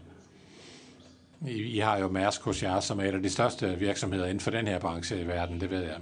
Så de her skibsruter, de viser jo, hvordan det, at man har rejst og bevæget varestrømme, det viser, hvordan det har udviklet sig i årenes løb.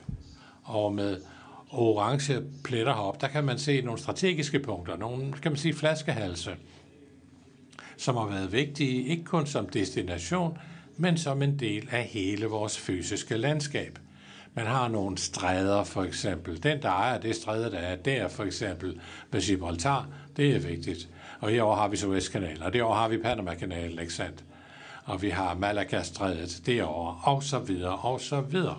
Så stræder, fysiske stræder, er og har hele tiden været meget vigtige. Men når vi så nærmer os det digitale, ja, her er det faktisk fra det 19. århundrede, meget interessant, kort, der viser telegrafsystemet. I løbet af cirka 50 år fra 1837 da telegrafen blev opfundet i USA af Samuel Morse. Og ja, op til 1866 for eksempel kom det på tværs af oceanerne, og det ligner egentlig på mange måder det, vi har i dag. Også i det digitale landskab, som vi kalder internettet. Hvorfor er det vigtigt? Jo, men det er jo fordi, at det vi taler om, det er et domæne her, som er det modsatte af fysisk. Fordi det er et eller andet sted, men vi kan ikke se det. Men det er på en anden måde i virkeligheden meget fysisk. Det har jo også en infrastruktur, en fysisk infrastruktur. Det her er landskabet for den digitale revolution. Informationsalderens landskab, det er den måde, ting bevæger sig på. Og hvor man har tingene, er meget vigtigt. Det her forbindelserne viser her. Det her kort, det viser ikke hvad vi har på de forskellige kontinenter. Det er bare forbindelser, jeg viser her. Før, der viste jeg jo et kort, hvor man kunne se øh, kontinenterne, og så forbindelserne mellem kontinenterne. Telegrafen, som jeg viste, for eksempel forbandt mennesker, så de kunne tale sammen. Ikke? Det var ikke sådan, at informationen flød, men det at kunne tale sammen, skrive sammen, det var jo fantastisk vigtigt. Men øh, nu her, der er det jo et spørgsmål om at overføre information i store mængder fra et sted til et andet. Det er sådan, at det er jo blevet. Og det andet store, der er sket, det er, at de forskellige platforme og informationslæringsmedier har udviklet sig. Det er fra The Economist. Og I kan se, at den private sektor jo har opsamlet information og lagerplads. Her har vi USA, for eksempel. Og vi har Kina herovre, vi har Asien, vi har Europa, vi har øh, Sydamerika, vi har Afrika. Så altså først informationsstrømme, men nu er det også et spørgsmål om lagring af information. Hvorfor lærer man det? Fordi det har en økonomisk værdi, som den private sektor får ud af informationer. Da vi opfandt computere, og så begyndte at forbinde dem, Jamen, i starten, der var det jo, der var computerne bare ligesom mennesker i virkeligheden. Vi havde hver en, en, en PC, og så var de forbundet, men altså, nu er det ligesom ikke det, der er interessant. Nu er det nogle, noget menneskeskabt kontinenter her, vi bygger. Ligesom fysiske kontinenter, vi har haft i millioner af år. Men nu er vi ved at bygge, vi er ved at opbygge nogle digitale nationer, vi har nogle nationer, lande, dem har vi haft i nogle århundreder, men vi har også de her nationer, som er digitale nationer, som er, har suverænitet på mange måder selv. Og de er også ganske stærke. i det geopolitiske område i verden. Hvem er stærkere? Hvem er de stærkeste? Måske er det ikke et land, det kan godt være en af dem her, en af de digitale nationer, som er stærkere end et givet land. Og her har vi datasfæren. Det er der, hvor informationer læres, og det er vigtigt at forstå, før vi går i gang med delene og hvordan og hvorfor vi bruger det her landskab. Fordi alt, hvad mennesker gør nu, jamen, det sker jo inden for det her landskab, denne datasfære. I dag er det næsten 40 procent af information, der læres i USA. Resten af verden har så 45 procent, og så er der øh, uh, 10 procent i Kina og 7 procent i Japan. Det er sådan alt i alt. Og det er ganske ekstraordinært, når det drejer sig om lagring af data. Hvor, hvorfor er det så vigtigt? Hvorfor startede jeg med det her, før jeg sagde noget om cyberkrigsførelse osv.? Jo, det er fordi, det er vigtigt at forstå landskabet. Det drejer sig om landskabet. Hvem kontrollerer, hvem styrer landskabe. Øhm, den digitale verden har erobret andre domæner, de naturlige domæner, som vi kender. Øh, jorden, havet og så videre. Alt de, natu- alt de naturlige ting. Men det digitale domæne har erobret den globale geopolitik. Og det kan vi også se i det daglige. Jeg skal vise lige om lidt. Vi skal nødt til at forstå, at dominans, når det drejer sig om information, det er det, der tæller i dag. Det er det, der tæller. Data er kongen. Fordi ud af data får man alting. Man får efterretninger, man får visdom, man får produkter, man får services. Det er det, lande gør nu. De prøver at opbygge data, datalagre og gøre gode ting med de data. Det er jo godt nok. Det er ikke dårligt. Og så er der datastrømmen, som jeg viste. Den er meget vigtig. Informationen skal jo give en strøm, og den skal beskyttes. Den skal styres.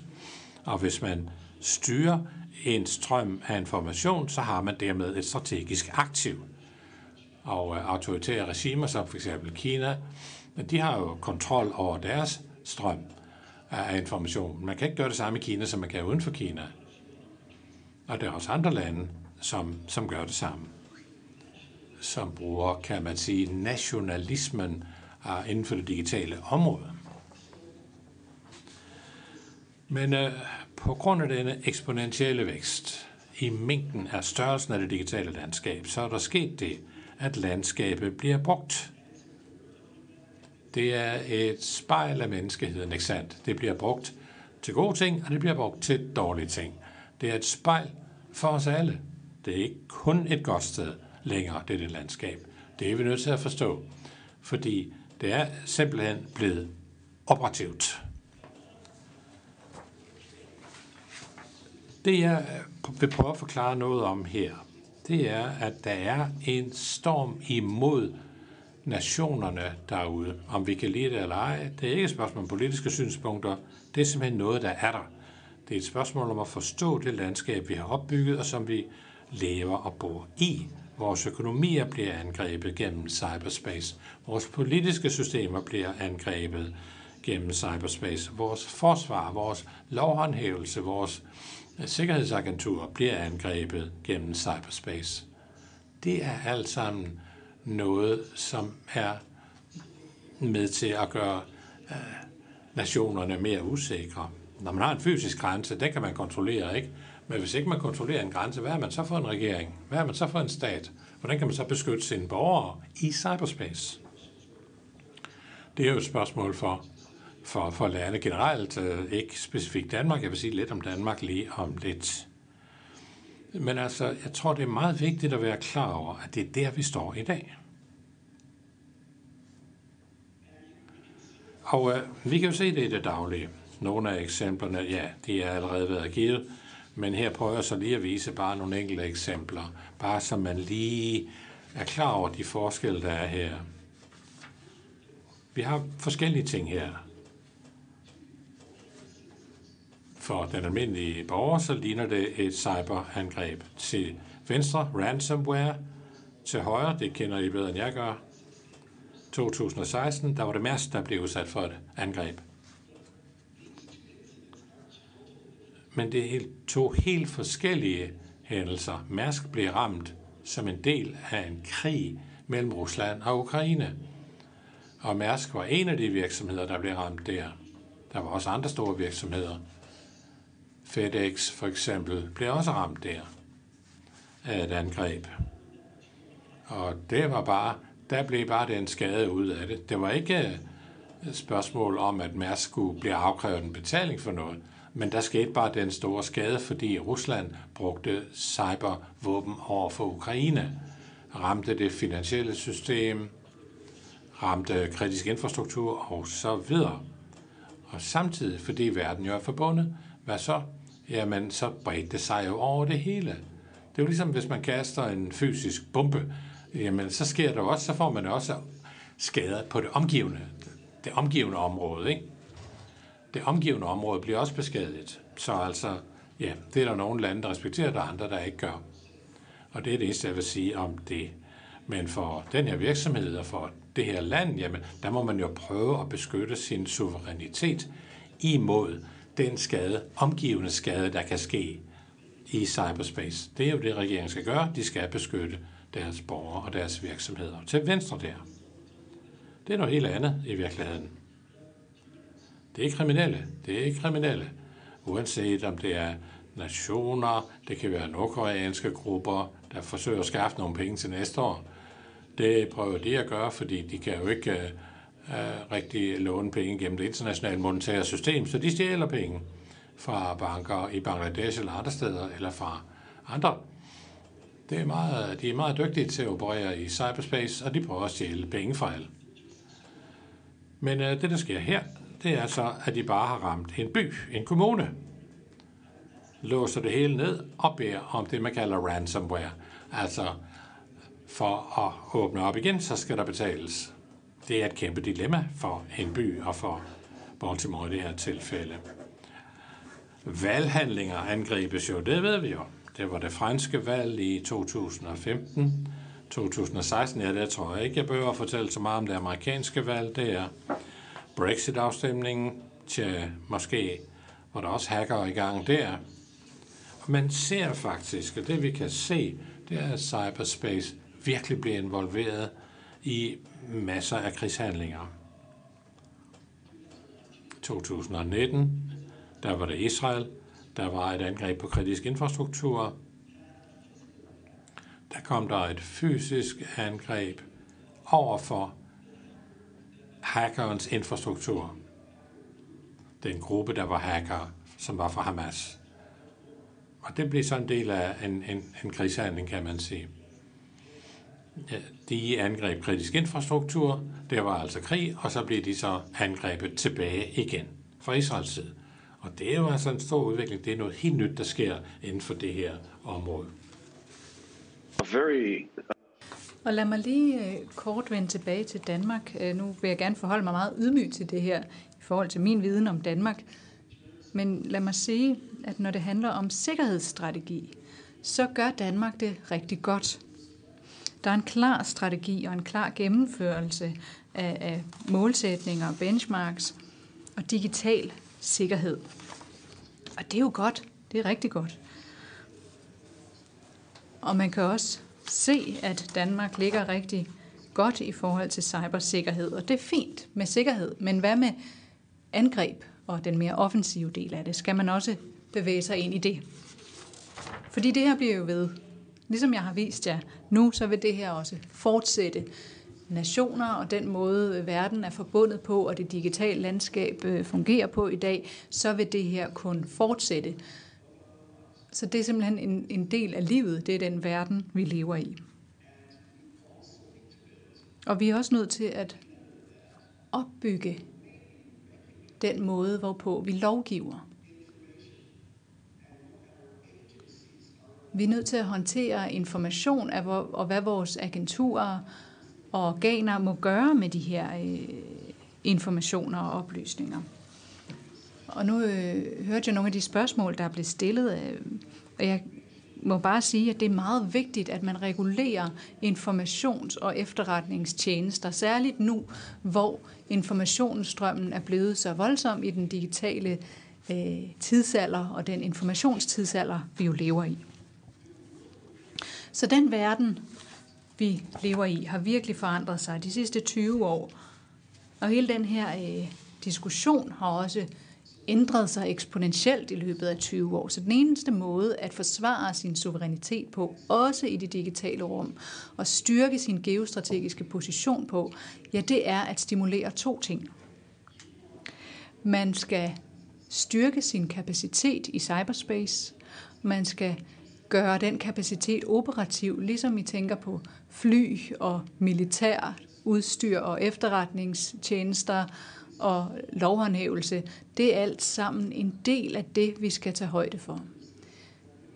Den gode nyhed er, at når man investerer i de her ting, så stimulerer man samtidig økonomisk vækst. Så det er meget anderledes, end når man køber en kampvogn, for hvis man så ikke bruger den, jamen så står den bare der. Men de her mennesker, som der er tale om, at man investerer i, når man gør cyberspace operativ, jamen de går senere hen ud i den private sektor, de øh, starter nye virksomheder, og de skaber vækst i økonomien. Og derfor er det så god en investering, men man skal gøre det på den rigtige måde. Så det, der sker derude i dag, det er, at vi oplever en tidsalder, hvor der er en stor omstilling på vej i det digitale landskab. Alle er ved at opbygge deres øh, kapacitet. Alle har været meget nationalistiske i deres internet. Det er derfor, jeg kalder det et splinternet i stedet for et internet, fordi det har været så fragmenteret. Men nu begynder folk at smede alliancer, og som vi har talt om før, så betyder de alliancer, at jo mindre man er som nation, jo vigtigere er de her alliancer. Men man skal ikke sige, at man er lille. Man skal geostrategisk positionere sig selv som en stærk nation i cyberspace, i den, det digitale rum. Man ønsker at opbygge og styrke sin kapacitet i det digitale rum, fordi her handler det ikke om størrelse. Og det er Israel jo et meget levende eksempel på, at vi er en meget lille nation, på størrelse med Danmark måske. Men vi har investeret i cyberspace, og Israel har derfor også et stærkt økosystem, som jeg vender tilbage til om et øjeblik. Så hvor skal man investere for at skabe vækst og styrke vores sikkerhedskapacitet i cyberspace? For det første skal man investere i et mere fuldspektret kapacitet, cyberspace-kapacitet. Og man skal også foretage strategiske investeringer inden for forsvaret, inden for industrien, inden for universitetsverdenen. Det er jo netop der, man ser, at man får det største afkast af sin investering i fremtidens digitale landskab inden for data og kunstig intelligens, i kryptonetværk og nye øh, computer, ny computerberegning osv. Det kommer jeg nærmere ind på senere. Og så handler det om at gøre cyberspace operativt. Og her det vil jeg stille det spørgsmål, hvordan gør vi det på en ansvarlig måde? Det er ikke noget, jeg vil gå dybt ned i, men jeg vil lige kort gennemgå det. Og så vil jeg spørge, handler det her kun om teknologi? Og svaret er selvfølgelig nej. For da jeg fysisk var involveret i krigsførelse som operativ, så dykkede jeg virkelig dybt ned i interaktionen mellem strategier, mellem stærke og svage øh, modstandere, altså asymmetriske konflikter. Asymmetriske konflikter er et stort dilemma, og det jeg gerne vil sige her, det er, at cyberspace er ligesom et oprør. Det er ikke fair. Det er ikke lige odds. Der er ikke lige vilkår. Og man kan sagtens vedtage en masse love, men det bliver ikke fair af den grund. Det er vigtigt at have love på plads. Lovgivning og regler skal være der, fordi at nationalstater jo i høj grad overholder de love, men når man øh, taler om krigsførsel, så skal man vide, hvordan man fører krig, og så skal man sørge for, at man har tilstrækkelige muskler, så at sige, også i cyberspace. Man skal have fagfolk, man skal have teknologi, man skal have processerne på plads. Det vi kalder PPT, People, Process og Technology, altså mennesker, proces og teknologi. Og alle tre ting er vigtige. Og hvad vigtigere er, så har man brug for en vision for og en adskillelse af ansvaret, en ansvarsfordeling, hvor man igen skal kigge på, på det her som et landskab. For hvis man vil have kontrol over et landskab, så skal hver stamme, så at sige, have et stykke land. Og så siger man til den ene person, du har ansvaret for den her, det her stykke jord, du skal forsvare det her stykke jord. I cyberspace er det præcis det samme. Det er bare lidt mere kompliceret, for vi kan ikke se det fysisk. Og der er en masse, der er et enormt stort digitalt øh, landskab, som strækker sig helt ud i vores telefoner. Hvem er ansvarlig for min telefon? Skal regeringen være inde i min telefon? Nej, selvfølgelig skal de ikke det. Men det er et dilemma. Men det er et dilemma, man kan løse. Så lad mig kort forklare den her slide, og så kommer jeg til min afrunding. Forestil jer, at det her er hele det digitale rum, vi opererer i. Det her det er vores egen del, den blå del. Det her er den røde del. Skurkene, eller hvem ens modstandere nu er. Vi har operationer, uanset hvor de øh, finder sted, så bliver de udført i hele det her digitale rum. På, på vores egen banedele, banehalvdel og på vejen hen til modstanderens banehalvdel og på modstanderens banehalvdel. Og i cyberspace, der har vi jo vant til, at vi har vores eget område, og så kan vi sende soldaterne ud til modstanderen. Men i cyberspace, der kan kampen foregå lige her i min egen telefon. Så hvem har ansvaret? Hvem har ansvaret for at føre øh, kampagnen for at udføre de her angreb? Hvem skal føre kampagner mod angrebene, og hvem skal føre kampagner mod angriberne? Så vi har det nationale rum her, og der har jeg jo allerede fremlagt, hvordan I har gjort det rigtig godt med de sikkerhedsoperationer, I har udført i Danmark, og det er derfor, Danmark er så sikkert et sted i cyberspace i dag.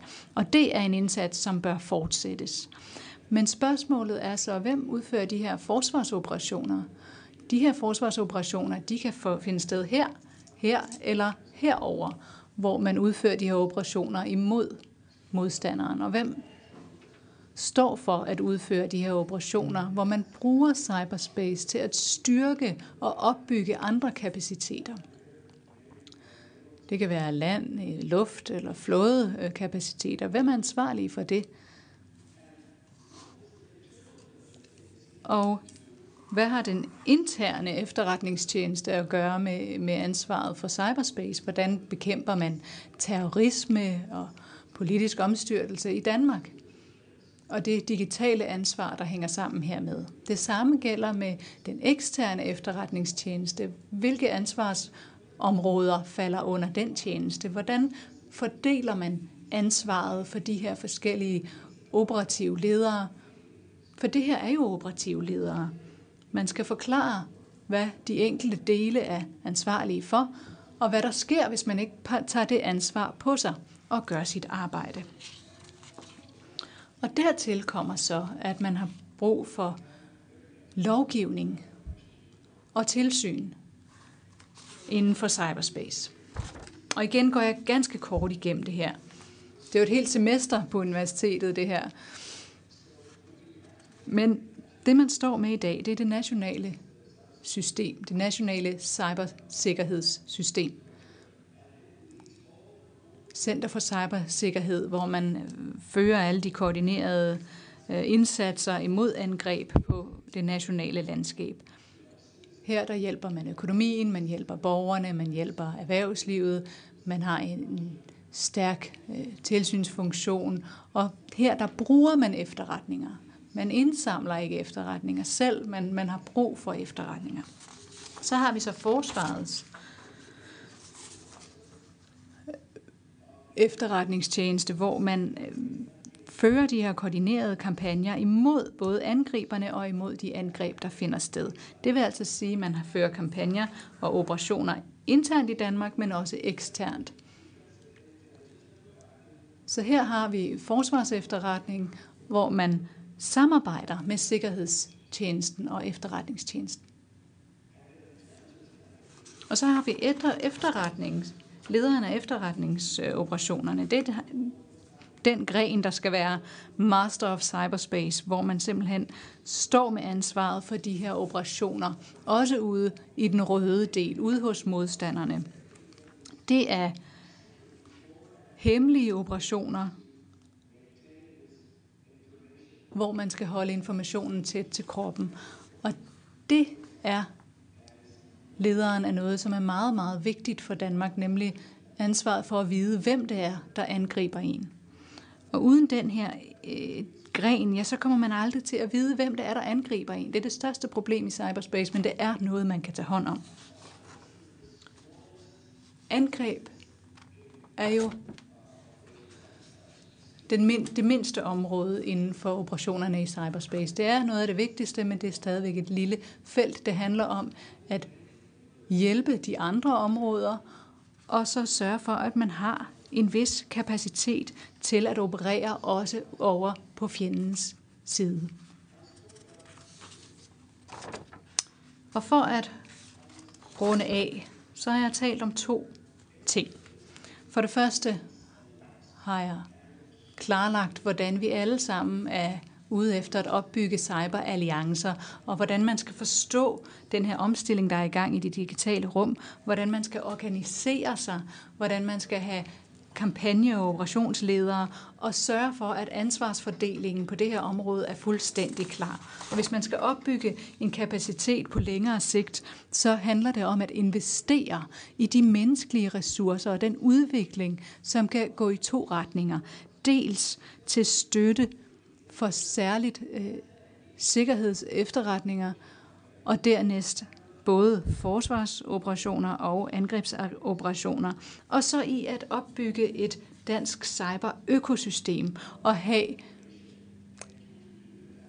en teknologisk kunde, at man simpelthen behersker de teknologier, som er førende inden for dette område. Mange tak. Thank you very much. And uh, now we have... Tak for det. Så har vi 10 minutter til de spørgsmål, der måtte være i forhold til dette indlæg, og mange tak for indlægget. Søren Søndergaard kom med et spørgsmål. Værsgo. Mange tak for et øh, meget interessant øh, oplæg. Øh, mit spørgsmål er meget simpelt. Kan man foretage øh, og have et forsvar mod cyberangreb uden at gennemføre offensiv angreb på fjendens territorium?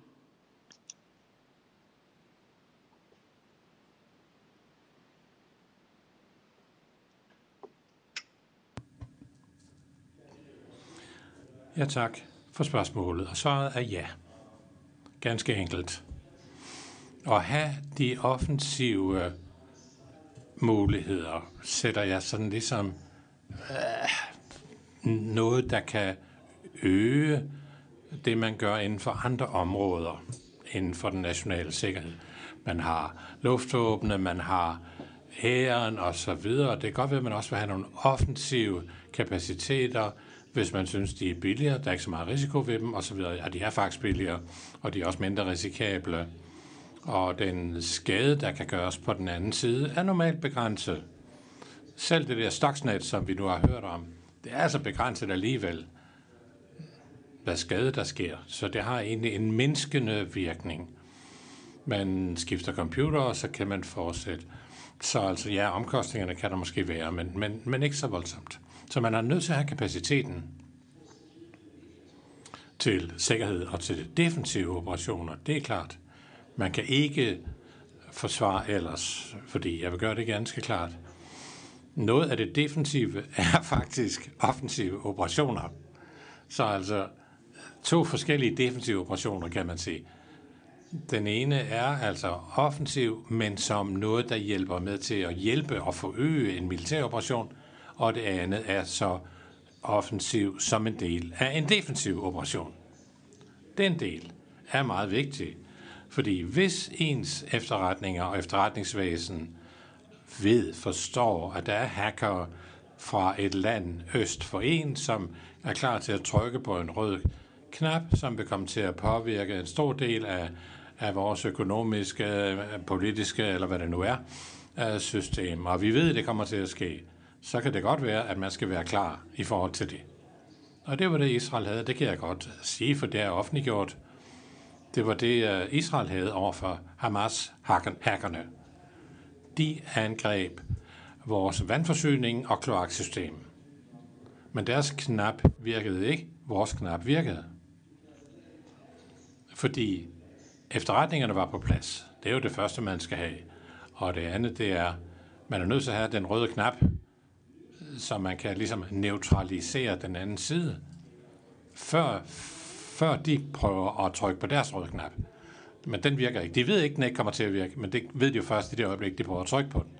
Det er jo det smukke ved den offensive operation som en del af forsvar. Altså som sagt, ja, vi angriber ikke deres kritiske infrastruktur. Vi angriber hacker. Jeg håber, det var klart. Mange tak. Ja, der er et spørgsmål her. Linjen er mellem de kriminelle handlinger og statshandlinger eller terroristhandlinger. Nej, det er vist noget med 90 til 10 procent. Vi fokuserer meget på de 10 procent, men hvad med de 90 procent, som faktisk er uh, berigelseskriminalitet osv., altså for kriminelle? Hvordan, hvad gør vi der? Ja, jeg vil godt lige sikre, at jeg forstår spørgsmålet. Hvordan kan man fokusere på de 90 procent? Ja, altså det jeg tænker på, siger ordføreren, det er, du, du præsenterer det ligesom som en sammenhængende cyberudfordring over for et land. Men faktisk er det jo sådan, at 90 procent af, hvad der sker, det er kriminelle. Det er simpelthen kriminelle personer eller organisationer, der gør noget og 10 procent er måske lande over for andre lande. Så, så hvordan skal vi håndtere den problematik? Okay, tak for afklaringen af det. Jo, jeg viste det der billede af Mærsk og så byen Baltimore, ikke? Øh, Baltimore, det var kriminelle. Man er nødt til at være klar til begge dele. Det er der slet ikke noget spørgsmål om. Det er man simpelthen nødt til. Det er udfordringen ved cyberspace. Det betyder virkelig noget, når man ser på den offensive side af defensive operationer, hvem det er, man så søger efter, hvilke angriber søger vi efter. Men når man er på den defensive side, på den sikkerhedsmæssige side, så er man nødt til at være klar til det hele, til dem alle sammen. Så altså det nationale landskab skal være sikkert og skal forsvares på samme måde over for kriminelle, som over for lande osv. Men den proaktive del af kampagnen er meget anderledes, når man har med kriminelle at gøre. Det er fordi, der skal man uh, samarbejde med internationale institutioner, Interpol og andre. Måske, måske har man en, en fælles indsats sammen med FBI eller lignende. Så det er så en ting. Og, og når det er lande, så er det noget helt andet. Så er det jo militær, ikke sandt? Øhm, i relation til, til landene. Ikke? Så, så, så når vi ser på det defensive, når man ser på sikkerhedssiden, så man skal man dække det hele. Det skal være meget koordineret. Og den største del er, at efterretningerne, de efterretninger, der kommer fra alle aktører, på en meget koordineret måde, skal påvirke den måde, sikkerhedsoperationer udføres. Angriberen har jo altid en fordel, ikke? Øh, og det er derfor efterretninger er så vigtige. Jeg vil helst vide øh, om det her og investeres, investere i uh, efterretninger, for jeg vil gerne vide, hvornår angriberne er på vej hjemmefra for at komme og angribe mig. Mange tak for det. Vi har desværre ikke mere tid lige nu til uh, opfølgende spørgsmål uh, til dit indlæg. Jeg håber, at du vil være til rådighed, også når vi har paneldebatten senere i dag, således at vi kan komme tilbage til fat i nogle af de emner, du har været inde på. Mange tak for et tankevækkende og inspirerende indlæg. Tak for det. Ja tak, vi ses senere.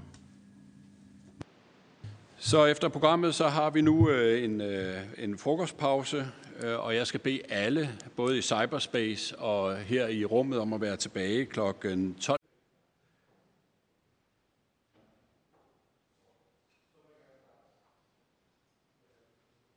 Tak for det.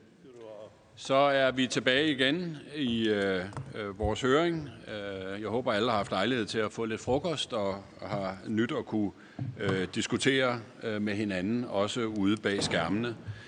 Øh, det næste emne, vi skal have behandlet, øh, det er øh, temaet Danmarks offensive cyberkapacitet mellem angreb, spionage og forsvar, og her har vi en kapacitet på området, Tobias Liptrav, Ph.D. og postdoc, til at øh, give os en orientering om de øh, udfordringer, øh, de forskellige måder at håndtere cyber på, vil give os også i en national dansk sammenhæng.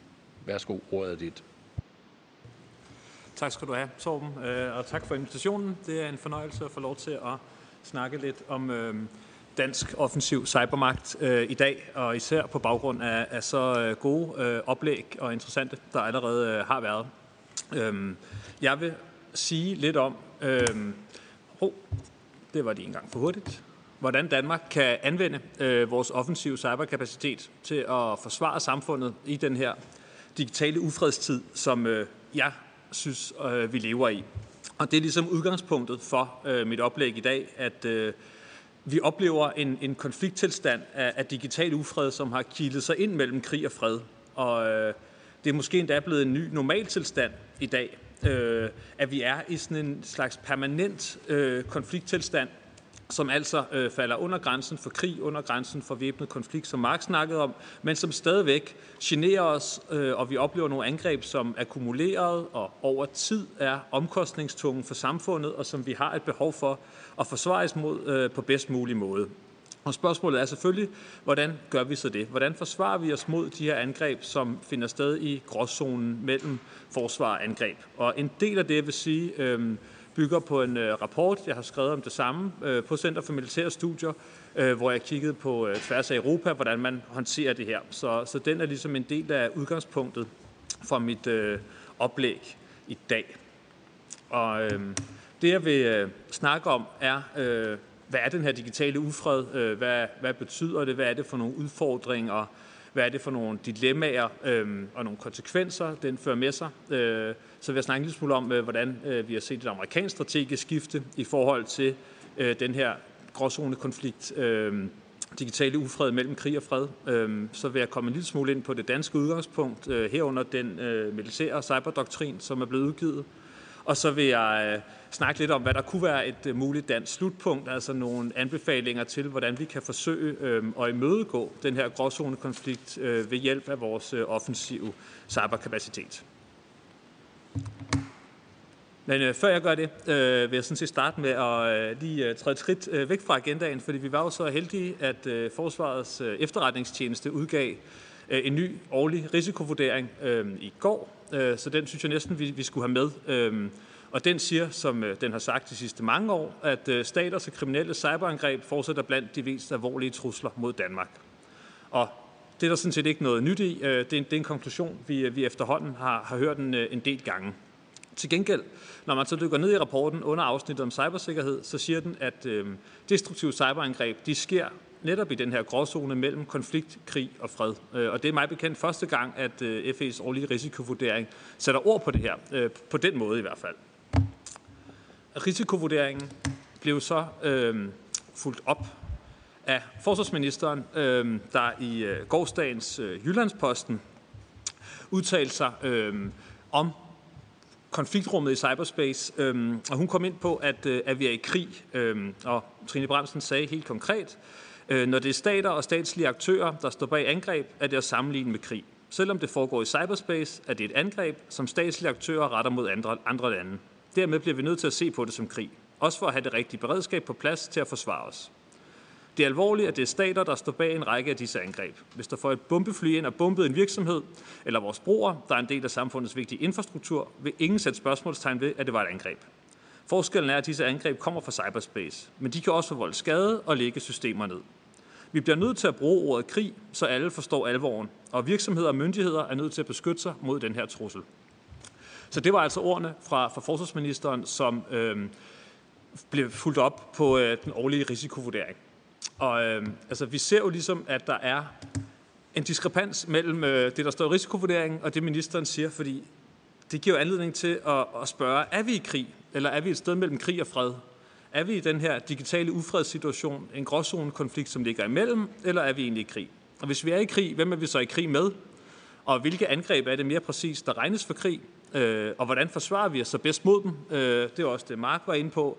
Hvad er sådan det juridiske grundlag? Hvad må vi overhovedet forsvare os med? Øh, og selvfølgelig, hvad har vi for, for kapabiliteter på området, som, som måske gør os i stand til at forsvare os?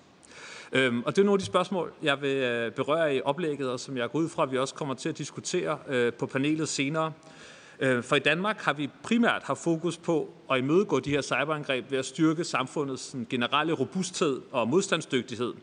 Øhm, men vi ser nu et skift på vej mod, at vi muligvis øh, skal til at anvende de her offensive kapaciteter, vi har på en lidt anden måde. For i kommissoriet for den varslede den nationale strategi for cyberinformationssikkerhed, øh, den tredje udgave, der peger, øh, den peger på, at vi bliver nødt til at hæve omkostningerne for de aktører, der gennemfører cyberangreb mod Danmark og vores nærmeste allierede.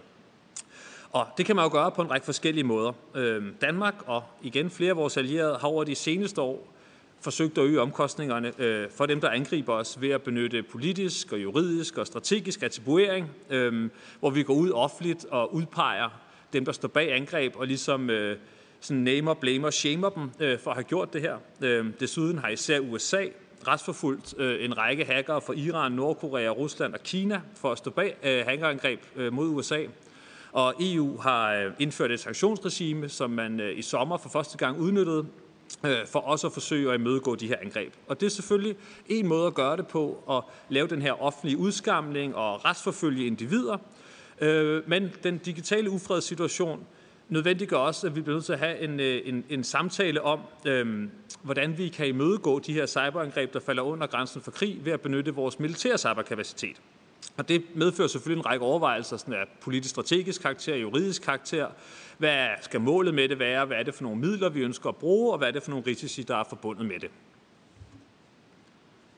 Og hvis vi skal kigge på, øh, på sådan en situation i Danmark, så er det i dag en rimelig skarp adskillelse mellem angrebsspionage og forsvar, der danner udgangspunkt for den danske anvendelse af vores cyberstyrke. Øh, Danmark er i dag rustet til at føre cyberkrig, øh, men det er sådan lidt uklart, hvordan vi vil bruge den her militære kapacitet til at imødegå de her angreb, der falder under grænsen for krig. Og det er som sagt den udfordring, jeg vil komme ind på øhm, nu. Og jeg vil starte med at snakke lidt om den her digitale ufred, den her gråzone konflikt mellem krig og fred, og hvordan USA øh, har reageret på det, for ligesom at, at give lidt øh, kontekst. Altså, den, øh, den liberale verdensorden er i stigende grad øh, udfordret af tiltagende stormagtskonflikt, øh, og det skyldes ikke mindst Kina og Ruslands ageren på den internationale scene, og vi har set et noget mere tvetydigt amerikansk lederskab under Trump, og måske et EU, der ikke har, har etableret sig som en sådan dominerende geopolitisk spiller. Øh, og den, øh, en af de måder, den her stormagtskonflikt øh, udspiller sig på, er i den her gråzone, som ligger et eller andet sted mellem konfrontation og konflikt, eller konfrontation og krig, øh, og hvor der foregår en masse ubehageligheder, som igen akkumuleret over tid rammer øh, vores samfund, og som er omkostningstungt, og som er noget, vi godt vil øh, imødegå.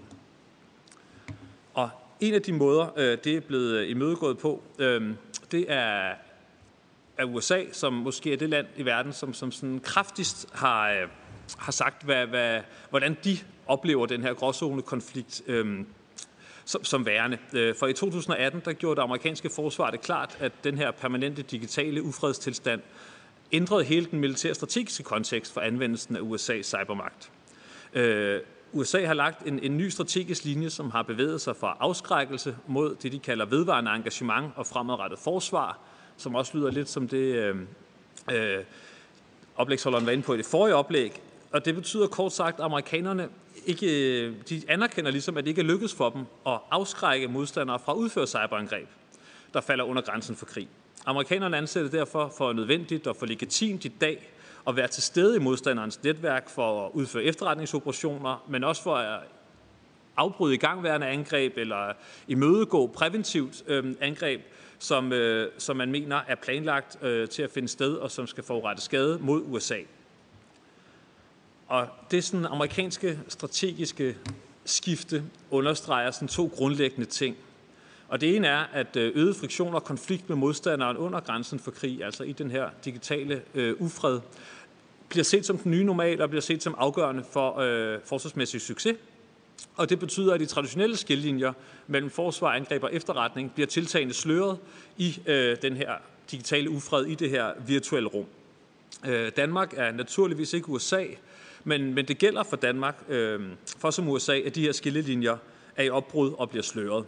Og kombinationen af den sådan, permanente digitale ufredstilstand samt den her vanskelige skældning mellem forsvar, angreb og, og efterretning, gør, at øh, det er nødvendigt at se lidt nærmere på, hvordan Danmark kan bruge vores offensive cyberkapacitet til at imødegå øh, angreb, der falder under grænsen for krig. Det, øh, det danske udgangspunkt er som sagt, øh, som det blev nævnt øh, tidligere i dag, at vi ved årsskiftet 2019-2020 øh, fik øh, en ny Cyber Network Operations kapacitet. Der blev den erklæret fuldt aktiv. Den har været under udvikling de sidste 10 års tid, og det har kostet op mod en milliard at, at udvikle den her øh, cyberkapacitet. Øh, cyberkapaciteten den er øh, placeret under Forsvarets efterretningstjeneste, og øh, det styrker selvfølgelig FE's rolle som centrum for Danmarks cyberekspertise, og det illustrerer, hvordan øh, hvad kan man sige, fremvæksten af det digitale domæne af cyberspace har medført, at efterretningstjenester verden over har fået nye defensive og offensive arbejdsopgaver. Så digitalisering af vores samfund har understøttet en mere sådan divers øh, rolle for efterretningstjenesterne, og det betyder, at de i dag både skal forsvare øh, offentlige og private netværk og udføre de her offensive øh, cyberoperationer. Det betyder også, at øh, den sådan tidligere ret klare adskillelse mellem det militære og det efterretningsmæssige, den øh, risikerer at blive udvisket. Så forskellen mellem på den ene side langsigtede strategiske efterretningsoperationer og på den anden side defensive og offensive militære indgreb bliver mindre tydelig. Og igen stiller det Danmark over for et afgørende politisk, strategisk og juridisk spørgsmål, fordi hvordan kan, bør og skal vi så anvende den offensive del af CNO-kapaciteten, altså det, der i det første oplæg blev beskrevet som CNA, Cyber Network Attack Operations, øh, når vi ikke er i krig. Når vi befinder os i den her digitale ufred, kan vi så bruge den offensive cyberkapacitet øh, defensivt? Og der er selvfølgelig øh, en række udfordringer ved at skulle øh, anvende CNO-kapaciteten til at imødegå fjendtlige cyberangreb i ikke-krigssituationer. Øh, og især fordi, at øh, de ofte vil gå på tværs af forsvar, angreb og efterretning. Og det øh, gør sig særligt gældende, når eller hvis vi skal bruge den her cyberkapacitet til det her fremadrettede forsvar, øh, som også blev omtalt i det, i det forrige oplæg, altså hvor vi krydser over i det fjendtlige netværk, øh, og det er den måde, vi forsvarer os på, ved igen at udføre, det kan være efterretningsoperationer, men det kan også være ved at afbryde og de angreb, der eventuelt er i gang mod Danmark, men det kan også være at gå ind og forsøge at ødelægge øh, angriberens mulighed for at udføre planlagte angreb, altså den her sådan præventive øh, forsvar, hvor vi bruger offensive cyberkapaciteter på den måde. Øhm, den strategiske og operationelle adskillelse af angreb, spionage og forsvar er altså sådan mere broet end, end den funktionelle adskillelse måske umiddelbart tilsiger. Det kan godt være, at vi kan lave en sådan tre nemme kasser og sige forsvar, øh, efterretning og angreb, og så er alt fint, fordi de er adskilt. Men, øh, men når vi kommer ud i den, i den skarpe ende, så øh, er der flere eksperter, der peger på, at de her tre kategorier, de flyder, flyder mere og mere sammen, og der opstår nogle spændinger imellem dem. Øhm, og det betyder, at der er både nogle politiske og nogle juridiske grænser øhm, for den her aktivitet øh, i gråzonen mellem krig og fred, men at det er lidt uklart, hvor de ligger henne. Fordi at øh, efterretning øh, i den her gråzone har, er jo noget, som vi har set udspille sig øh, stort set altid. Og det har sådan, ikke været defineret nøjagtigt øh, ind, sådan, folkeretligt øh, eller mellem staterne, hvad det præcis vil sige, hvad det er for en type efterretning, man godt må lave, øh, og det har ikke ligesom heller været officielt anerkendt, politisk eller juridisk, at, øh, at det her grænsen går, og det er sådan her, det foregår. Det har i midlertid foregået. Men der er samtidig bred enighed om, at den stigende digitalisering og introduktionen af cyberoperationer har sløret billedet yderligere i forhold til, hvad efterretningsoperationer er, og hvor grænsen mellem efterretning og angreb og efterretning og forsvar går. Det er for eksempel øh, oftest nødvendigt at identificere modstanderens IT-systemer, kortlægge noget netværksinfrastruktur og måske udnytte en eller flere sårbarheder, både for at kunne udføre efterretningsoperationer og for at kunne udføre angrebsoperationer. Og har man først opnået adgang til modstanderens systemer og bevæger man sig rundt i dem, så vil afstanden mellem indhentning og information, disruption og ødelæggelse ofte være relativt begrænset. Og det vil være svært for modstanderne at afkode, hvad er det for en intention, man er trængt ind med. Og det vil være svært også for modstanderne at opnå overblik over, hvad er konsekvenserne af den her indtrængen, vi har lavet, også selvom det er i et defensivt øje med, og selvom det er et efterretningsøje med. Så øh, der er altså en, en særlig udfordring øh, forbundet med at imødegå cyberoperationer under tærsklen for krig, øh, fordi de velkendte politisk strategiske og juridiske begreber og rammer øh, bliver vanskeligere at anvende. Øhm, og grænsedagningen mellem forsvar og angreb og spionage bliver besværligt gjort af den her usikkerhed angående både afsenderens identitet og intention, samt effekten af den operation, man ønsker at udføre, fordi den defensive øh, operation, som, er, som man bruger øh, via de offensive cybermidler, det kan være svært præcis at forudsige, øh, hvad effekten vil være, medmindre man som i øh, Stuxnet-tilfældet bygger en fuldstændig tro kopi øh, af angriberens system, og så øh, kan få lov til at øve sig på det øh, og se, hvad outcomet bliver. Det højner i hvert fald muligheden for, at man kan forudse, hvad der sker. Men der sidder trods alt også en modtager på den anden ende, så det her usikkerhedsmoment vil, vil konstant være til stede i forhold til effekten af ens defensive øh, brug af de offensive kapaciteter. Og de her usikkerheder øh, medfører selvfølgelig en række afledte spørgsmål, som det er nødvendigt at tage stilling til, før vi begynder at anvende vores offensive cyberkapacitet øh, defensivt. Og det er nogle spørgsmål, som de danske politikere og, og myndigheder bør holde sig for øje, øh, når vi diskuterer det her, øh, og hvor indfasningen af CNO-kapaciteten selvfølgelig er en oplagt mulighed til at, at tage stilling til dem og øh, overveje nøjere, øh, hvorvidt vi skal bruge den offensive del af CNO-kapaciteten til at foretage forsvarsoperationer under grænsen for krig. Og, og nogle af de spørgsmål, øh, der rejser sig, er selvfølgelig, øh, hvis Danmark skal anvende offensive cybermidler til at mødegå angreb under tærsklen for krig, hvad er det så for nogle juridiske og operationelle rammer, der er på plads? Øh, hvor går grænsen mellem gråzonekonflikt og væbnet konflikt? Hvordan sikrer vi øh, politisk autoritet, ansvar og kontrol med anvendelsen af de offensive cybermidler, når de bliver brugt under tærsklen for krig? Hvordan vil vores modstandere opleve og reagere på et intensiveret dansk cyberforsvar, der falder under tærsen for krig, øh, ved en dansk anvendelse af offensive cybermidler i de her ikke-krigssituationer øge risikoen for eskalation og ustabilitet øh, mellem Danmark øh, og vores modstandere? Øh, eller kan det være en afskrækkende og stabilitetsskabende faktor, at vi øh, begynder at gøre det her? Øh, skal Danmark overhovedet udføre offensive cyberforsvarsoperationer for at beskytte danske virksomheder øh, mod spionage, øh, for at beskytte befolkningen mod misinformationskampagner, øh, når vi ikke er i krig? Og hvordan vil danske borgere og danske virksomheder opleve et mere offensivt cyberforsvar? Vil de opleve det som værende noget, som er beskyttende og tryghedsskabende, eller vil vi snarere opleve det som, som noget aggressivt og, og konfliktoptrappende? At, øh, det er i hvert fald nogle af de spørgsmål, øh, der er nødvendige at få, få debatteret, og som vi måske kan rejse øh, i løbet af paneldebatten også, øh, hvor, hvor synspunkterne ligger på det her, øh, både politisk og selvfølgelig blandt, øh, blandt eksperterne.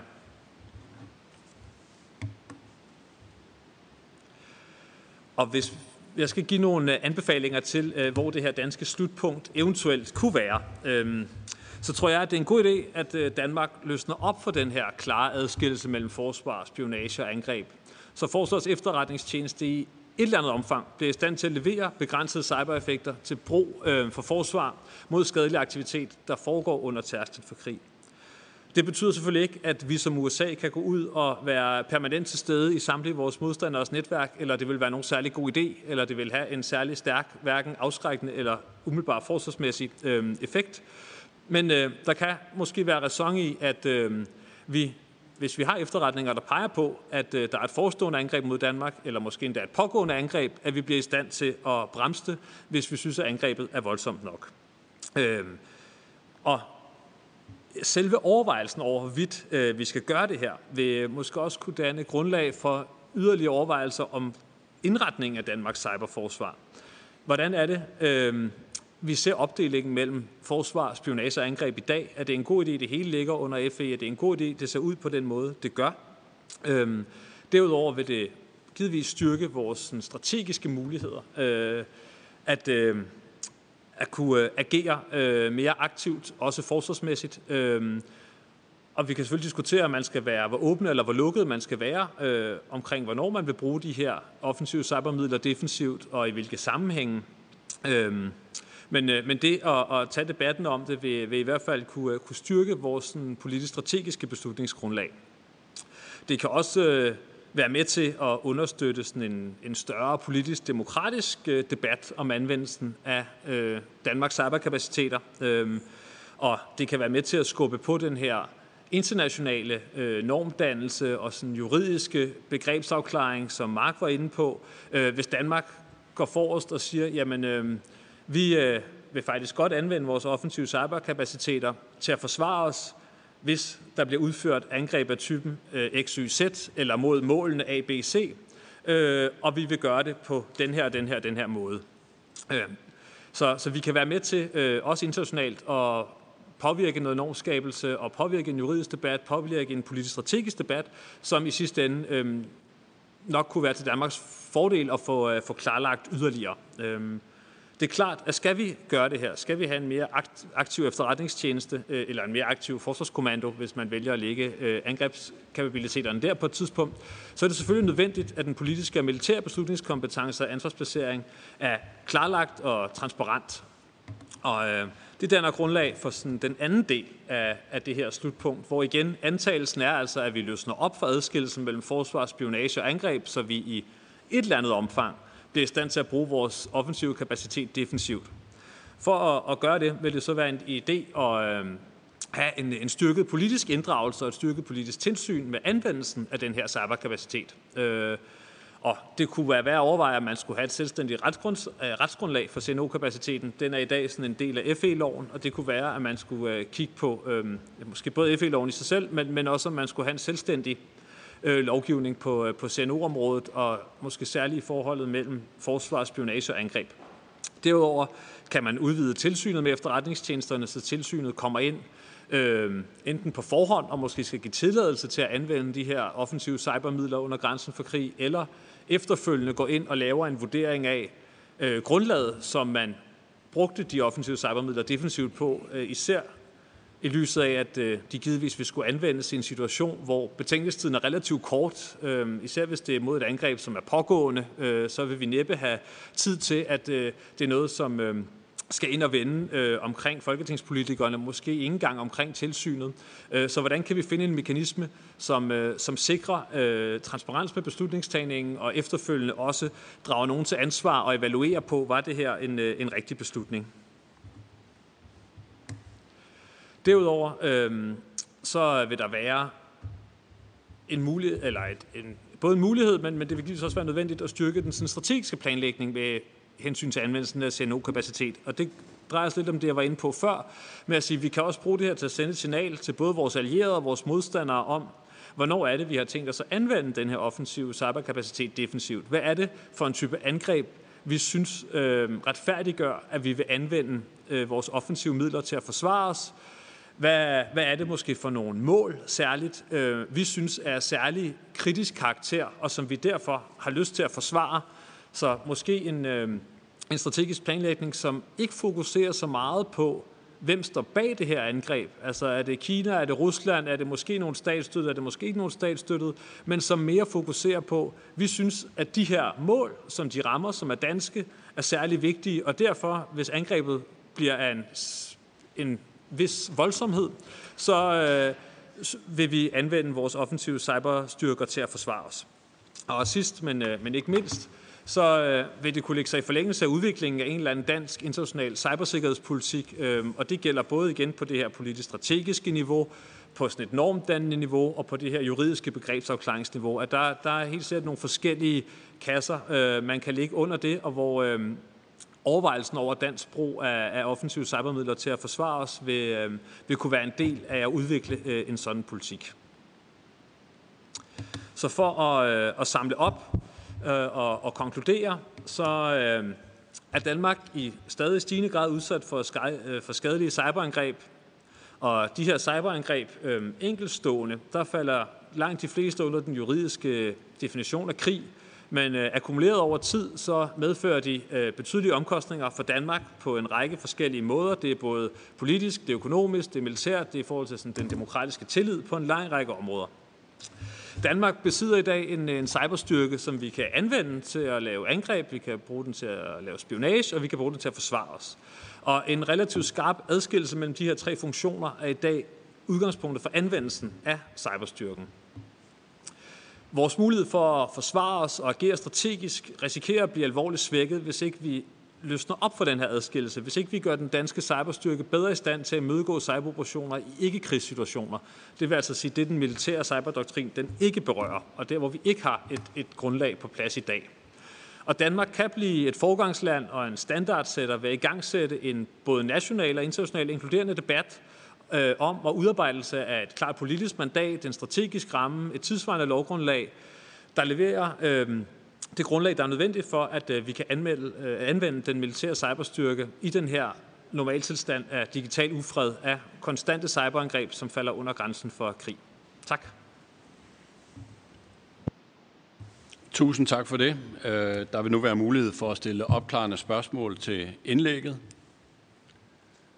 Jeg vil gerne starte med din sidste slide, hvis jeg må indlede ballet. Hvis lige prøver at gå tilbage til den. Øh, og det, det er den første afsnit af den sidste slide, du havde.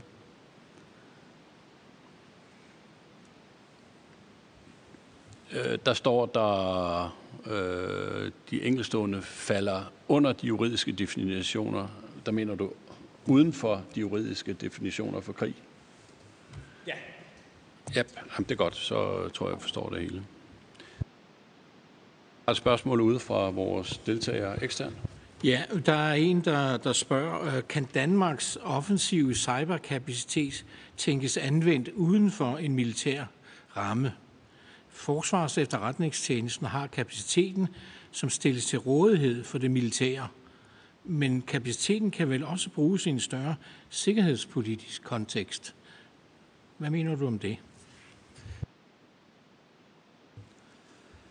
Jeg er ikke helt sikker på, hvordan, øh, hvordan jeg skal, skal forstå øh, spørgsmålet, fordi det er jo rigtigt, at den offensive cyberkapacitet er i dag huset i Forsvars efterretningstjeneste, øh, og Forsvarskommandoen kan så bede om, at den, øh, den bliver anvendt, og så sidder der nogle mennesker, som jeg har forstået det, som så skifter deres FE-hat ud med en militær cyberangrebshat, øh, men, men det er grundlæggende de samme mennesker, og de, de sidder det samme sted, men udfører så forskellige opgaver, afhængig af, om det er efterretningsmæssigt, eller om det er på opdrag for Forsvarskommandoen øhm, i en, øh, i en, øh, i en, i en krigssituation, eller hvor, øh, hvor vi i hvert fald øh, er inde og udøve øh, CNA, altså de her øh, angrebskapaciteter.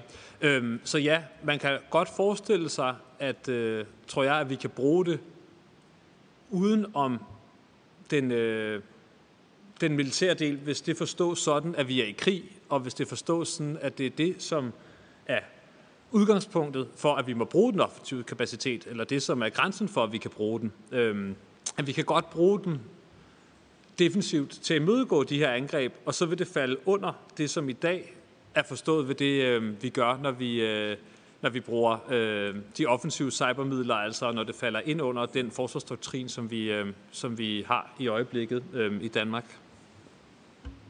Tak for det, og så har vi et spørgsmål fra Christian Juhl. Jeg vil først gerne sige tak for et ret spændende oplæg, selvom så det gik, øh, det gik meget stærkt i forhold til min intellektuelle kapacitet. Det er så mit problem. Men jeg vil gerne høre, du peger meget, meget øh, klart på, at tilsynet med efterretningstjenesterne skal laves om. Og du antyder endda i, på din aller sidste slide i konklusionen, at øh, måske er tilsyn ikke nok, at nogle af beslutningerne rent faktisk, hvis man går ind i noget offensiv cyberkrig, at, at det skal ligge i Folketinget. Øh, er der eksempler på, på, at man har taget den beslutning andre steder, øh, og i givet fald, hvor er man landet? Fordi at i, i Folketinget har vi jo det reelle problem, at for, helt aktuelt med den, med den sidste efterretningssag, hvor en chef blev fyret, og hvor der har været læk og så videre. Det kan man næsten ikke engang diskutere offentligt. Man kan ikke engang diskutere det i, øh, i almindelige udvalg i Folketinget. Det skal diskuteres i meget, meget lukkede kredse øh, af hensyn til dem, som ikke vil os det godt, hvem det så er. Øh, hvordan fanden laver man en demokratisk kontrol, når det her det, det accelererer så vildt, som det gør i øjeblikket? Fordi det er jo, man kan jo nok have en fornemmelse af, at det er fra en, når man ikke kan se, hvad det er, øh, der sker, øh, fordi det kan ingen af os mere. Man kan se en flyver, og man kan se et øh, krigsskib osv. Det er den ene spørgsmål. Det andet spørgsmål, jeg gerne vil have dig til at svare på, det er, når du siger, at Danmark er udsat, så må der være forskel på, om danske offentlige myndigheder og Danmark som nation er udsat, og om en privat dansk virksomhed er udsat for cyberangreb. Det er jo to vidt forskellige ting. Øh, mener du, at Forsvarets efterretningstjeneste skal arbejde med angreb på private virksomheder Og i givet fald vil vi da ikke komme ind i en ret kompliceret, øh, hvad, kan, hvad skal man kalde det, kompliceret øh, juridisk diskussion med EU, om vi så til gode ser danske virksomheder.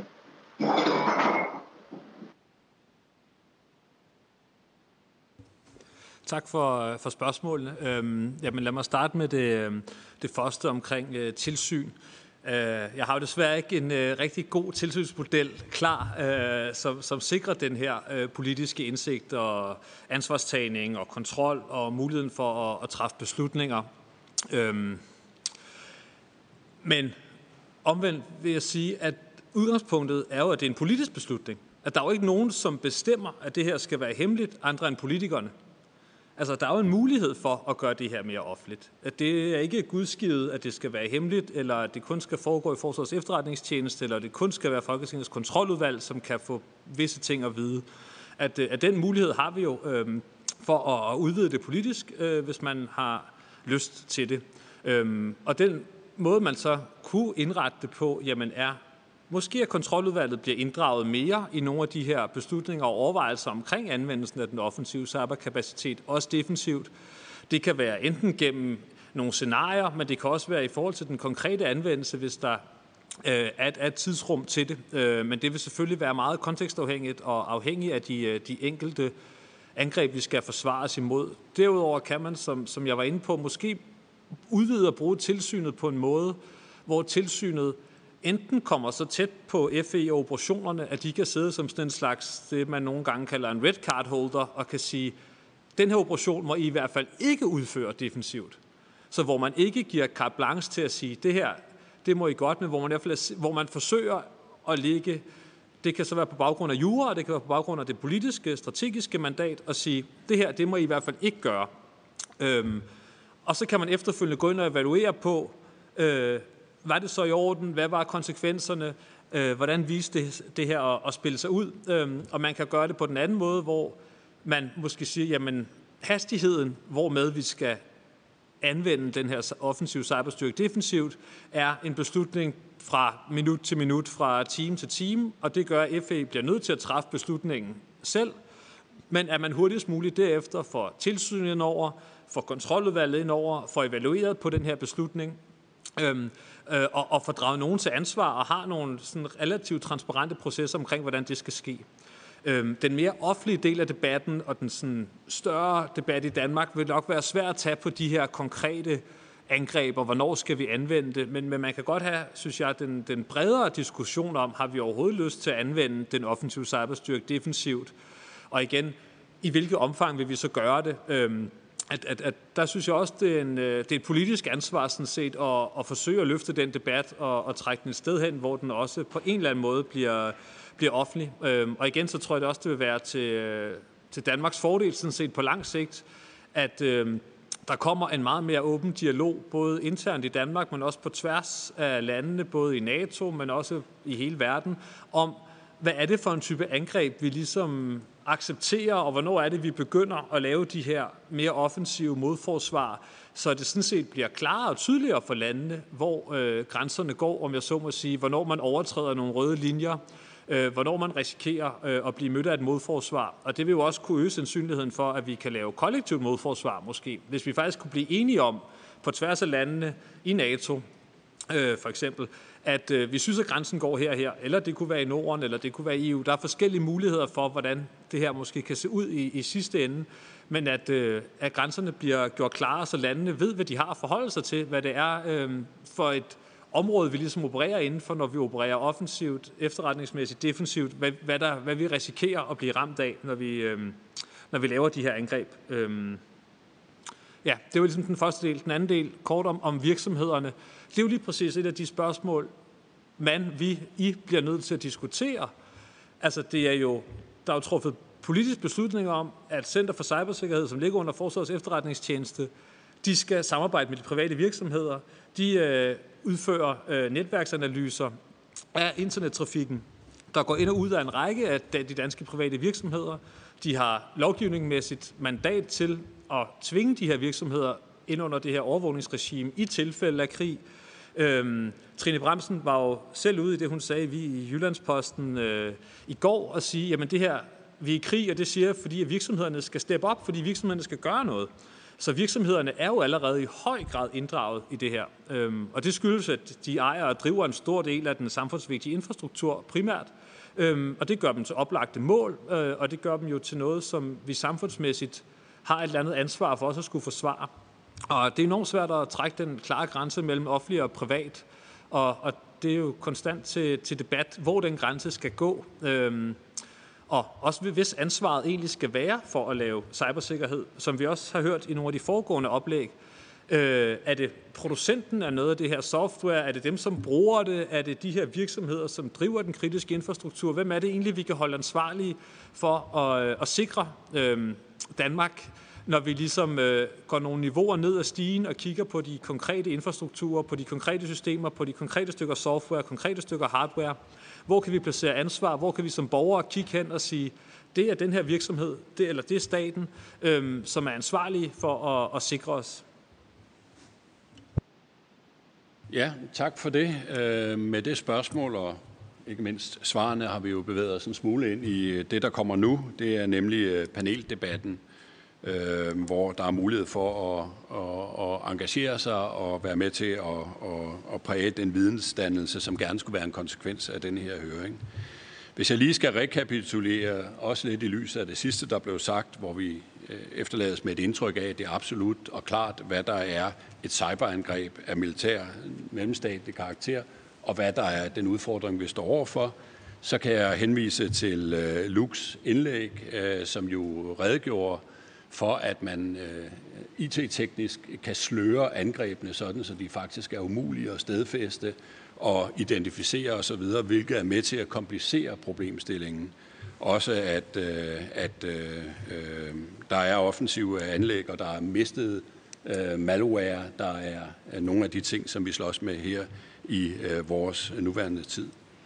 Mark han holdt et øh, indlæg, som omhandlede de folkeretlige rammer øh, med juridisk grundighed og en tillid til, at der er et, et, et regelsæt, der kan dække det ind, men som trænger til at blive opdateret for at kunne reflektere en række af de problemstillinger, som, øh, øh, som Tobias Liebtraug øh, kom ind på med, hvordan organiserer vi det her, hvordan opretholder vi øh, Øh, retsstaten, øh, den demokratiske kontrol i det her mere eller mindre totalitære trusselscenarie, vi står overfor, hvor vi har svært ved at skelne mellem, hvad der er civilt og hvad der er traditionelt militært. Så der er i sig selv også en, nogle interessante øh, problemstillinger, man kan dyrke her i debatten. Endelig havde vi det glimrende indlæg fra øh, Israel, hvor vi fik en beskrivelse af, hvordan at man kunne bryde det her ned, de ændrede rammebetingelser, som vi alle sammen står overfor, Tidligere var det grænser og nation state. Nu har vi information som øh, store landskaber med USA som dominerende faktor og Kina og andre regioner som emerging powers. Og hvordan man som småstat kan øh, agere i det med samme succes, som øh, Israel i øvrigt har gjort gennem generationer. Så øh, scenen er sat til en, øh, en, en debat, hvor vi kan tage fat i et hvilket som helst af de fire områder, vi har øh, vi har beskæftiget os med. Vi kan tage afsæt i en diskussion af, om, om, om, om vi har definitionsgrundlaget i orden, altså med, med samme klarhed som forsvarsministeren, der siger, at vi er i krig. Hvordan forholder det sig i forhold til det, som Luca Luke har nævnt om, at det faktisk er vanskeligt at finde ud af, hvor øh, tingene kommer fra? Øh, vi har øh, et påtrængende behov for en udvikling inden for det folkeretlige område, øh, hvis vi skal holde det inden for en ramme, som, som er legal og, og, og grundig og god. Vi har alle de udfordringer, øh, som øh, Tobias han har nævnt, og så har vi endelig de praktiske eksempler fra øh, Israel. Så øh, hvis der er nogen, der har mod på at kaste sig ind med de første spørgsmål, så er I velkommen nu. Øh, nu er øh, paneldiskussionen åbnet.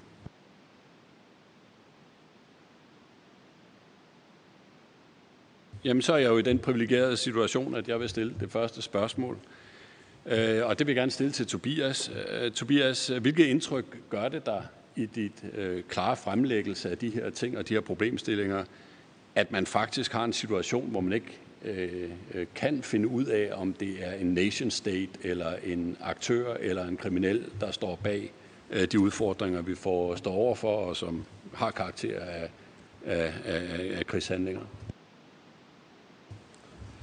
Det er klart, det, det, der er en udfordring i, at det er svært at finde ud af, hvem der står bag de her cyberangreb. Men vi har en efterretningstjeneste, som er relativt kapabel i dag, og øh, som med meget, meget, meget, meget stor sandsynlighed kan udpege, hvem der står bag i hvert fald de her statslige angreb, altså de her, det man kalder Advanced Persistent Threat angreb, APT-angreb, de mest alvorlige angreb. Øhm, der, der kan vi i dag med meget, meget stor teknisk sandsynlighed slå fast, hvem der står bag. Så jeg tror egentlig ikke, at, altså, at den del af problematikken er så stor, når vi kigger på den statslige del og på den her mere alvorlige del af cyberangrebene. Det er så noget andet, når vi kigger på den kriminelle del og politiets mulighed for at efterforske osv. Det er sikkert meget mere begrænset og enormt meget sværere på grund af de manglende ressourcer øhm, og, og mængden af angreb, vi ser. Men, men hvis vi holder os til de her statslige, øhm, så tror jeg egentlig ikke, problemet ligger så meget i at, at finde ud af, hvem der står bag. Altså, det er jo også mange af de private virksomheder lader til at være relativt gode til med stor sikkerhed at kunne sige, hvad det er for nogle statslige eller semistatslige aktører, der står bag. Øhm, så en anden måde at, at ligesom vende det her på, kunne, kunne netop være at have lidt mindre aktørfokus og lidt mere fokus på, hvad er det egentlig, vi synes, der er vigtigt at beskytte? Øh, hvad er det for nogle enten virksomheder, funktioner, myndigheder? Øh, kan vi sige, hvad er det egentlig, vi selv opfatter som værende det, som er vigtigt nok for os at beskytte, til at vi er villige til at anvende magt eller militære cyberstyrker øh, defensivt, præventivt, øh, for at forsvare de her øh, systemer, de her myndigheder, de her mennesker. Det er i hvert fald øh, et svar. Tak for det. Og så Aya Kemnitz har et øh, spørgsmål, og jeg ved, vi skylder dig et svar på det her, om Grønland var øh, decideret truet, og det vil vi selvfølgelig også huske i den her forbindelse. Jo, tak. Jeg vil sådan set også sige tusind tak for, for nogle rigtig gode oplæg. Jeg synes egentlig, at oplæggene i sig selv, de, de står rigtig godt, så jeg har ikke så mange spørgsmål til selve oplæggene, men, men egentlig sådan mere overordnet omkring øh, Arktis. Vi ved i Forsvars øh, efterretningstjenesten er jo kommet ud med, med den her risikovurdering her for nylig, hvor Arktis jo er, er blandt øh, topprioriteringerne, og faktisk bliver nævnt som det første.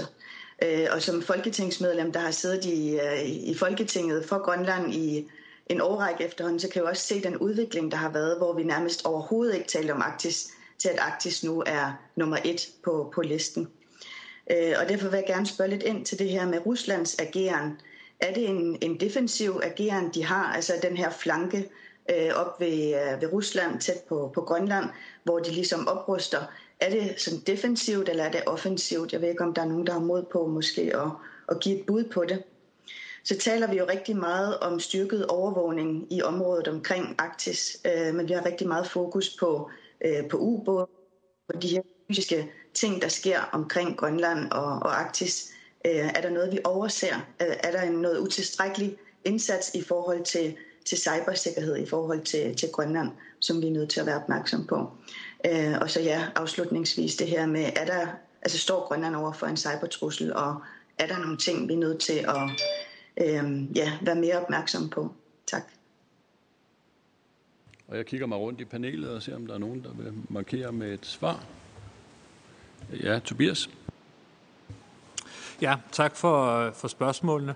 Øhm, jeg er absolut ikke ekspert på, øh, på Arktis, øhm, så øh, jeg, jeg ved ikke så meget øh, sådan om den russiske deployering af styrker og, og sådan præcis øh, forholdene omkring Grønland og, og Arktis og, og de forskellige landes øh, militær. Men, øh, men for mig ser der ikke nogen tvivl om, at, øh, at Grønland øh, også er udsat for øh, en stor cybertrussel, og en trussel, som givetvis øh, kun er vokset øh, i kraft af Arktis og Grønlands øh, position øh, i verden, og, og som lige pludselig værende en del af den her tiltagende stormagtsrivalisering mellem USA, Rusland, Kina, øh, som, som, som sikkert gør, at, øh, at både Grønland og, øh, og Arktis øh, mere udsatte, end, end, end de tidligere har været. Øh, og det vil der være givetvis oplagt for, øh, for forskellige efterretningstjenester og for eksempel indhente oplysninger om, øh, hvordan positionerne er internt i rigsfællesskabet øh, i forhold til, øh,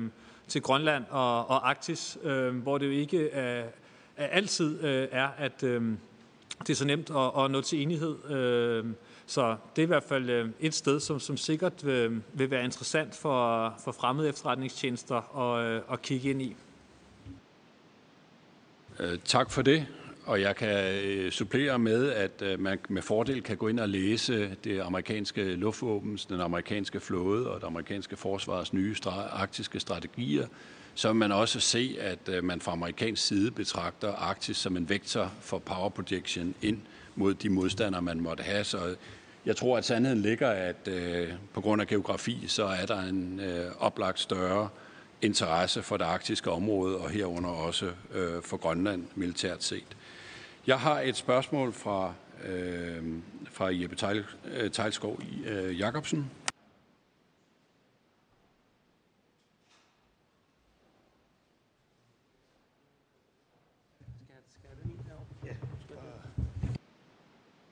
Og mens vi lige får teknikaliteterne i orden, så ved jeg, at Christian Juhl også har et spørgsmål, som du kan komme til øh, nu.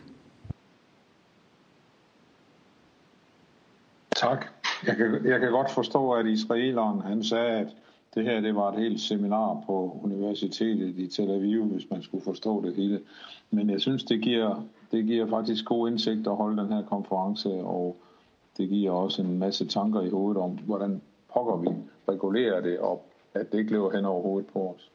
Jeg vil gerne spørge især Mark Schack, kan du sige noget om, hvordan FN arbejder med det her? Fordi når det er folkeretsligt, er det vel der, vi skal have placeret nogle egentlige øh, afklaringer om, øh, om hvordan folkeretten reelt kan bruges i den her sammenhæng. Samtidig med kunne du måske sige noget om det samme, hvad angår EU's indsats og Nordens indsats, fordi at så har vi da i hvert fald nogle nogle fornemmelse af, hvor vi kan arbejde videre, hvad angår det folkeretslige. For det er jo ikke nok, at vi bare siger, at Danmark skal ytre sig om det. Det er et første skridt. Reelt skal der jo nogle processer i gang, hvor vi reelt kommer til en, en, øh, en, en definition, eller nogle definitioner. Og der har jeg det sådan, at det skal helst ske i, i samvirke mellem veluddannede folk og teknikere, og så øh, de er også der er folkevalgt sådan at der er et demokratisk element i det. Det, det andet spørgsmål, jeg gerne vil stille, det ved jeg ikke, hvem kan svare på, men det, det er, jeg har selv tænkt på, vil det være utænkeligt, at der foregår cyberangreb imellem for eksempel vennerne i NATO?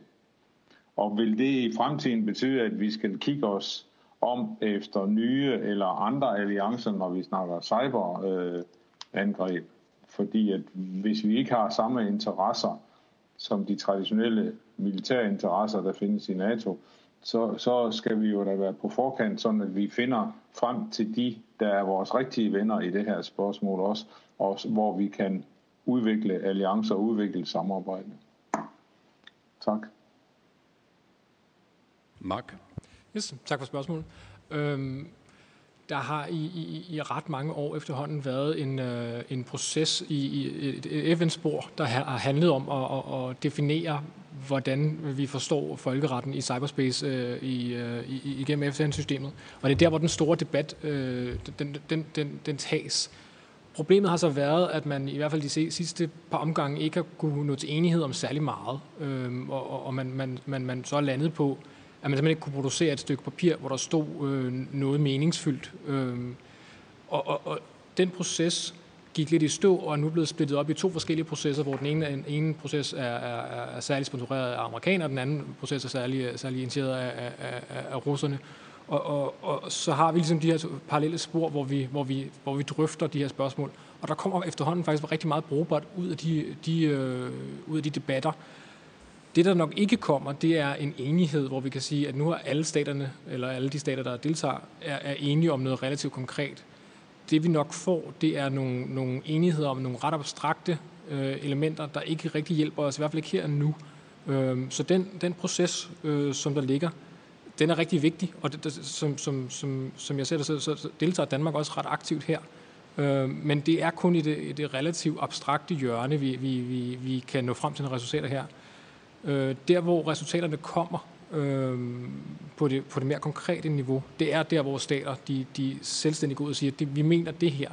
Øh, det er noget, som andre stater så kan, kan tage, tage i betragtning, og som vi som, som folkeretsjurister kan kigge på og sige, jamen, det her, det er så øh, det, vi vil kalde opinion juris, altså det her, det er den juridiske holdning fra, fra en, en statslig aktør, og det kan vi bruge til at se, hvordan skal vi egentlig forstå folkeretten. Så der er de her to spor. Der er det internationale, som, som går lidt træt, og som, som, som bliver meget abstrakt. Og så er det det her, de her, de her øh, unilaterale spor, hvor stater simpelthen bare går ud og siger noget relativt konkret. Øh, og lige nu, der er det mit indtryk, at, at, at, vi får altså mere ud af, at det, det øh, de enkelte stater siger, øh, end, end, end FN-processen, fordi det simpelthen er så svært at opnå enighed så bredt, som, som det FN-processen nu engang er. Øh, der, der, der foregår også arbejder andre steder, blandt andet i EU, men, men det er FN-sporet, der, der, der er rigtig vigtigt for os at se på lige nu. Tak. Tak for det. Og så har vi et spørgsmål her fra sagen Jeppe. Uh, ja, tak. Øhm, Øh, jeg tror, Christian Jules øh, spørgsmål, det andet spørgsmål blev ikke besvaret, øh, så det kan være, at der er nogle andre, der, der, der vil svare det. Ellers kan jeg give et bud på, på det, du spørger om, Christian. Det med venner i NATO, det, det handler jo sådan set meget kort om, at, at så vi nok alle sammen spionerer lidt på hinanden i NATO. Men det er vist bare det domæne, som, som, som indhentning og efterretningsdomænet egentlig er. Jeg tror ikke, der er så mange direkte angreb øh, på hinanden øh, blandt, blandt vennerne i NATO. Det jeg egentlig gerne ville spørge om, det var til, det var til Tobias. Og det var i forlængelse af det, de spørgsmål, der kom ud fra, fra salen, som jeg ikke synes, han rigtig fik svaret på. Nemlig det spørgsmål om, øh, om, om vi egentlig skal tænke på at bruge nogle af de her cyberkapaciteter, offensive cyberkapaciteter uden for, for ligesom forsvar, øh, en rigtig kon- altså forsvarskontekst eller en, eller en militær operationskontekst. Og nu hvor Tobias jo fik fremlægge fremragende bevis for, at vi på en eller anden måde havde behov for et nyt lovgrundlag, der, der gav noget, nogle, nogle flere beføjelser til, til efterretningstjenesten. Så kunne det jo, synes jeg, det kunne være naturligt også at få ham til at tænke over, hvorvidt vi skulle, øhm, vi, vi, faktisk, vi faktisk også kan bruge det her ligesom uden sikkerhedspolitikken, som, som for eksempel andre lande gør til at hacke og lægge, eller til at komme efter nogle, nogle, nogle terrorgrupper forskellige steder i verden, som vi lige nu ikke har lovgrundlaget til at, til at komme, komme, komme efter. Er det, også, er det også noget af det, vi på en eller anden måde skal bruge den her nye lovgrundlag til? Tak. Og det var til Tobias og i virkeligheden også Mark. Ja, tak. Jamen, øh, lad mig lige samle op først også på, på Christian Jules spørgsmål til NATO, fordi jeg er meget, meget enig i det, Jeppe siger. Jeg tror, det er vigtigt at skille mellem, i, i den sammenhæng især mellem spionage eller den CNE, altså det her exploit-kapacitet, og så en angrebskapacitet, og sige, at NATO har ikke nogen cyberangrebskapacitet i sig selv. Det er kun medlemsstaterne, som kan byde ind med det i tilfælde af en NATO-operation. Øhm, så man kan sige, i forhold til det med, hvem vi skal samarbejde med, så nyder vi sikkert rigtig god gavn af at have et efterretningssamarbejde med NATO-medlemmerne, fordi det efterretningssamarbejde gør os i stand til at lave det her offensive forsvar. For det offensive forsvar får først en effekt, når vi har en efterretning, som fortæller os, at nogen er ved at angribe os. Altså hvis det skal have den her præventive effekt, så har vi brug for en ret stærk efterretning, som, øh, som oplægget for Israel også var inde på. Og, øh, og, og derfor kan man sige, at det kan være lidt, øh, det er nok en god idé at, at skille de to, øh, to ting ad, sådan helt grundlæggende. Øh, I forhold til det, øh, til det Jeppe siger, okay, jeg, jeg misforstod måske lidt spørgsmålet, øh, da, det, da det kom i første omgang. Fordi ja, altså det her er der klart en del af at føre i hvert fald sikkerhedspolitik. Så kan vi diskutere udenrigs, den udenrigspolitiske del, og hvor grænsen mellem de to ting ligger. Øhm, men, men, men selvfølgelig en del af det at bruge vores offensive cyberkapaciteter defensivt, øh, vil jo ikke kun handle om, at vi skal ødelægge infrastruktur, eller at vi på den måde skal bremse et angreb, men det kunne også sagtens være ved øh, at, at hænge nogen ud, for eksempel. Altså, og, og der igen kan man diskutere, at det er så mere efterretning, end det er angreb, eller skal vi måske angribe for at få adgang til noget information om for eksempel øh, Rusland, Kina, Iran, Nordkorea, øh, og så på en eller anden måde bruge det til at name, blame, shame dem øh, offentligt på en eller anden måde.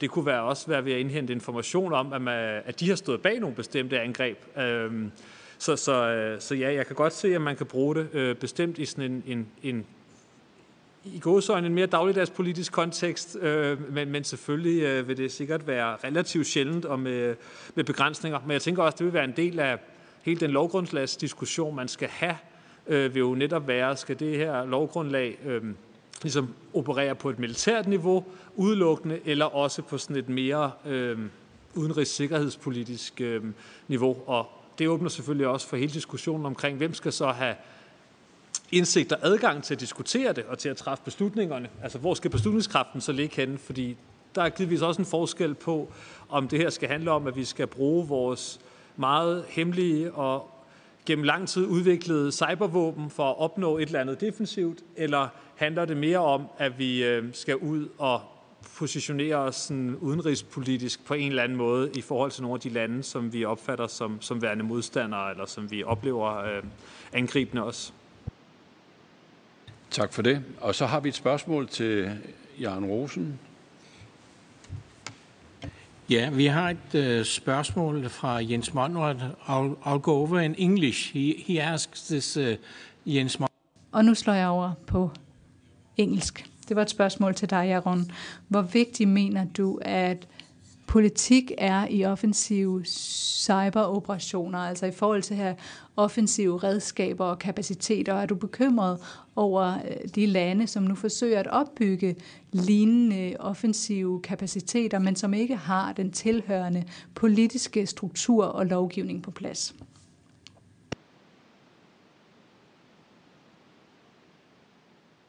You need to put on your speaker.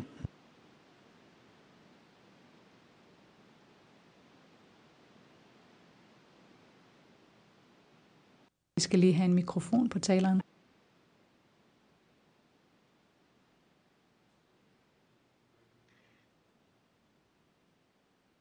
Can you, can you hear me?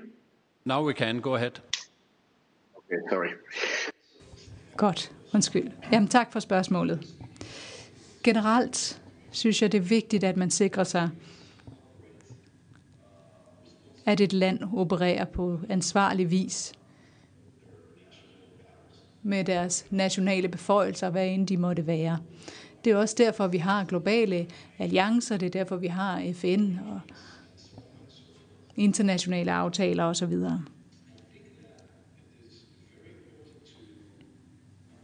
Jeg synes, det er vigtigt at forstå, og her henviser jeg også til det, som Tobias var inde på med hensyn til gråzonen.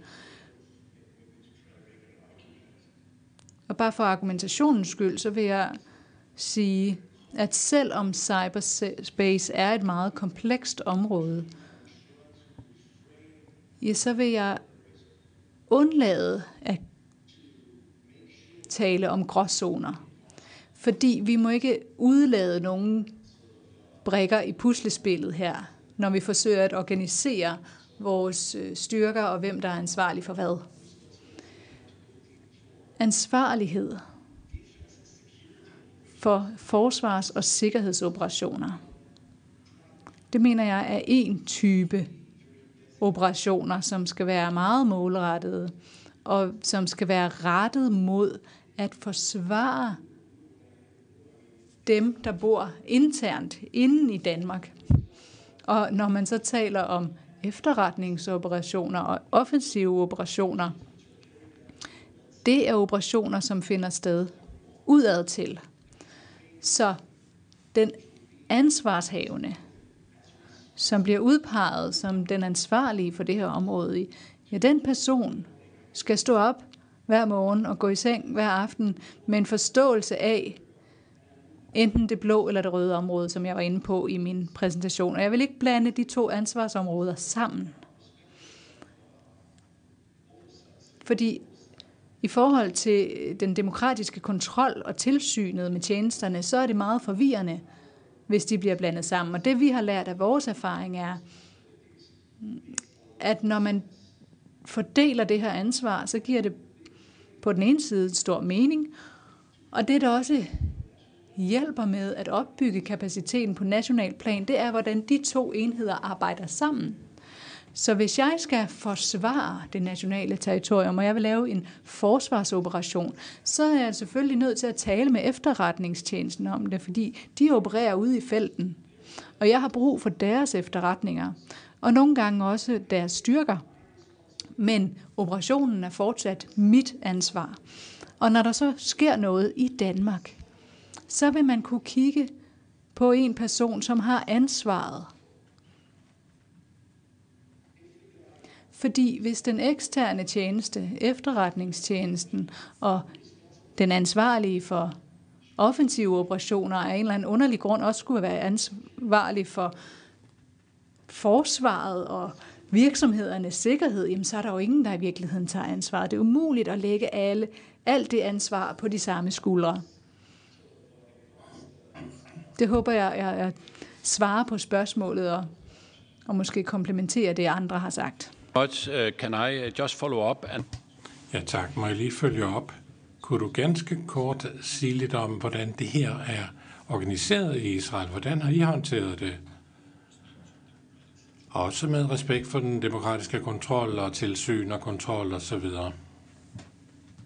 So very briefly, again, this is something... Ja, ganske kort. Det tager jo lang tid, hvis jeg skal sige om det i detaljer, men lad mig gøre det kort.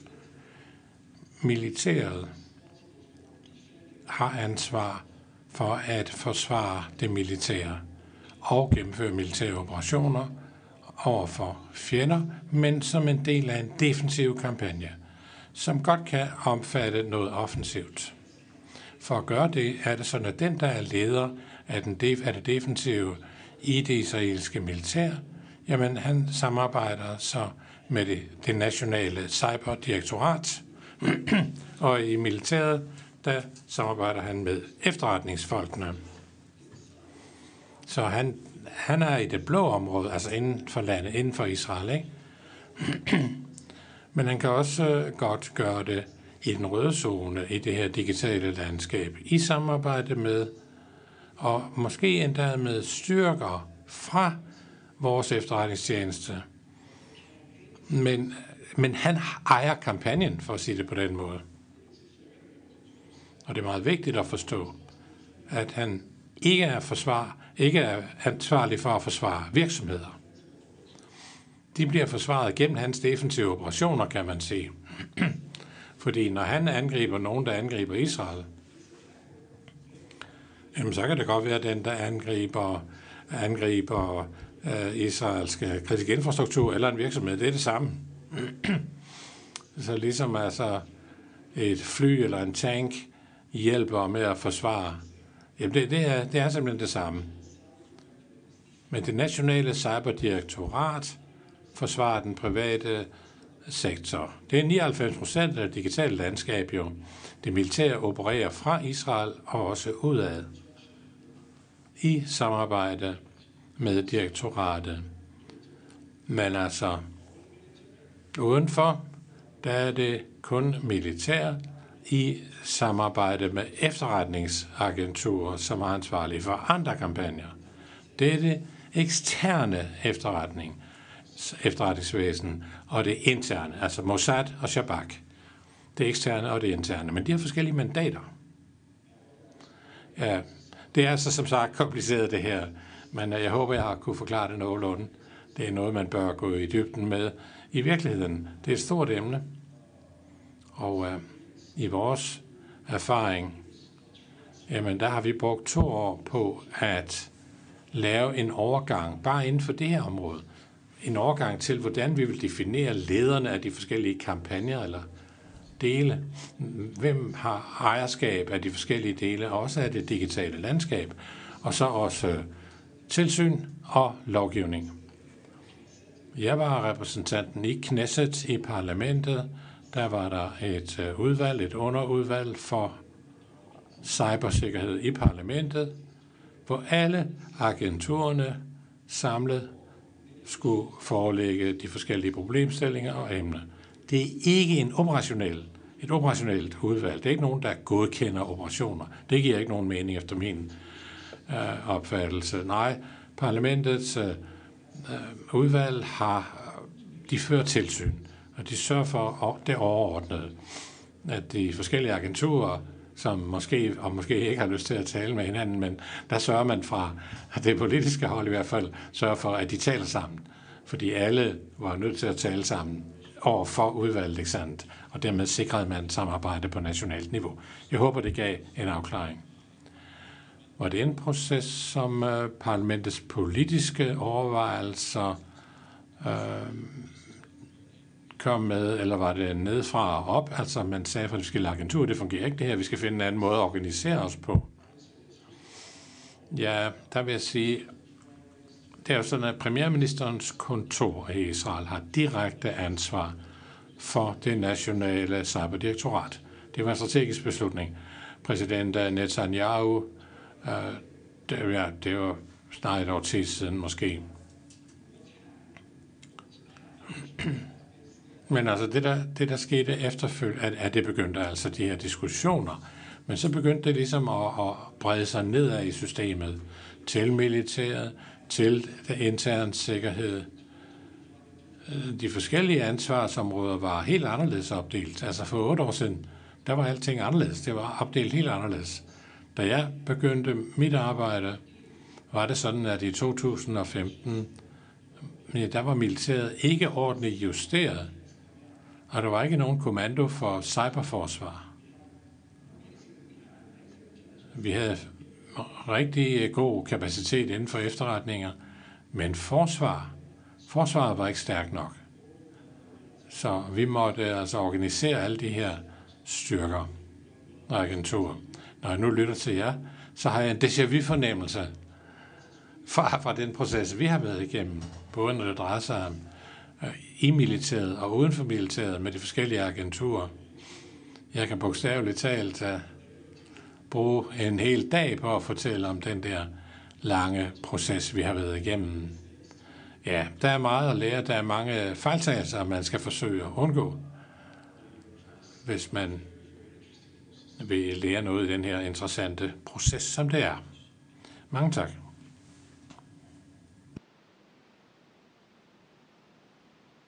We got another, og vi har endnu et spørgsmål ude fra uh, Cyber. Just a comment uh, to you, uh, Jaron. Blot en bemærkning til dig, Jaron Rosen. Jeres cyberdirektorat.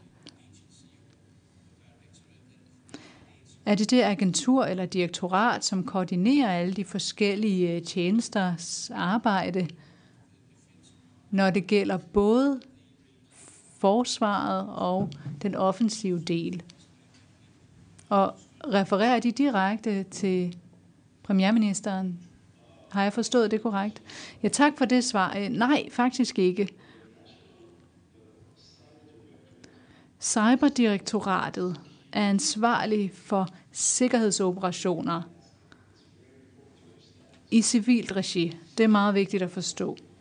De har ansvaret for kritisk infrastruktur og beskyttelse heraf, som før hørte under ansvaret af den interne sikkerhedstjeneste. Så for 4-5 år siden overgik beskyttelsen af infrastruktur fra det interne sikkerhedsagentur til det nationale cyberdirektorat, og det var altså nystartet dengang. Det fik ansvaret for kritisk infrastruktur og for det nationale finanssystem, så der er et styrket samarbejde øh, omkring den øh, finansielle sektor, også vandforsyning, elektricitet, den almindelige befolkning. Der er et beredskabsteam, der er virksomheder, vi har lige haft et angreb på et af de største forsikringsselskaber,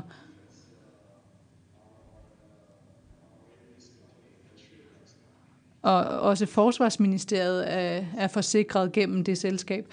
Det er det, Cyberdirektoratet står for. De laver de nationale risikovurderinger, civile risikovurderinger og, og efterlevelsesforvaltning, og så har vi de andre agenturer eller tjenester, som refererer til hver sin minister. Igen er der så et samarbejde som foregår gennem de her kampagneledere eller operationsledere, Så det nationale cyberdirektorat har ansvaret for alle sikkerhedsoperationer. Men det samarbejder og koordinerer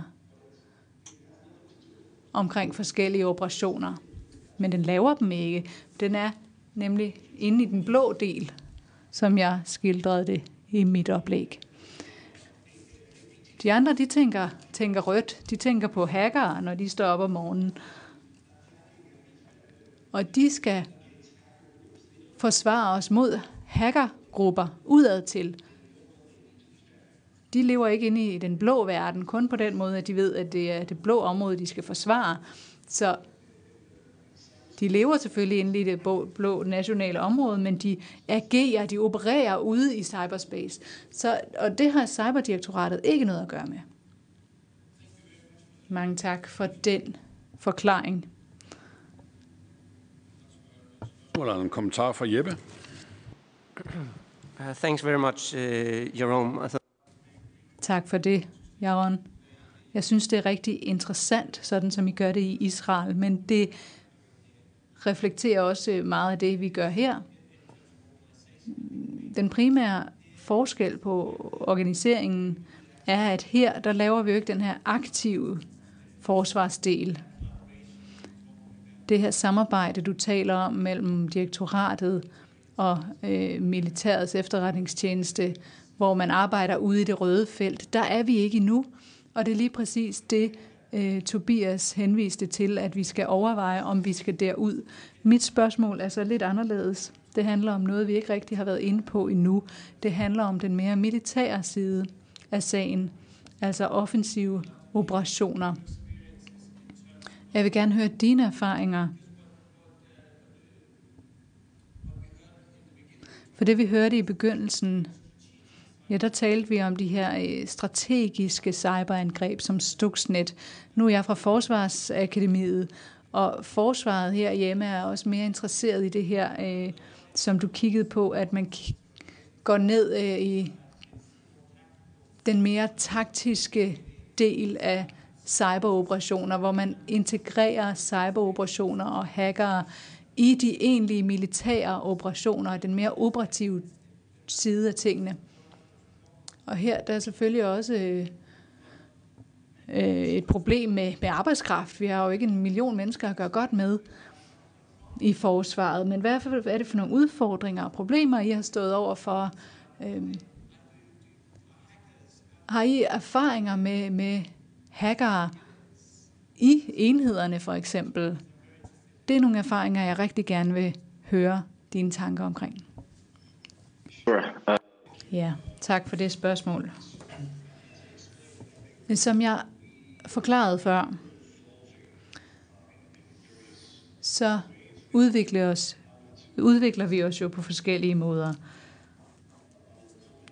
For det første vil jeg gerne sige helt klart og tydeligt, at der er ikke nogen global skabelon for, hvordan man skal organisere sine styrker. Lande er meget forskellige, og selv når jeg fremlægger, hvordan vi gør, jamen så tag det med et grænsalt. Jeg er sikker på, at vi, vi i fællesskab også kan overveje, hvordan man kan tilpasse den israelske model, den amerikanske model, som, som er meget højt udviklet, og, og, og tilpasse det til den danske situation og den danske sikkerhedssituation og de krav, der er der. Og så mere specifikt til de her øh, udnyttende operationer, de her fire domæner, vi var inde på, det er jo det væsentligste, nemlig den offensive del. Den mindste offensive tankeproces, det er jo de her strategiske røde knapper, fordi når man har et, et glashus, jamen så skal man være meget, meget varsom, før man begynder at kaste med sten.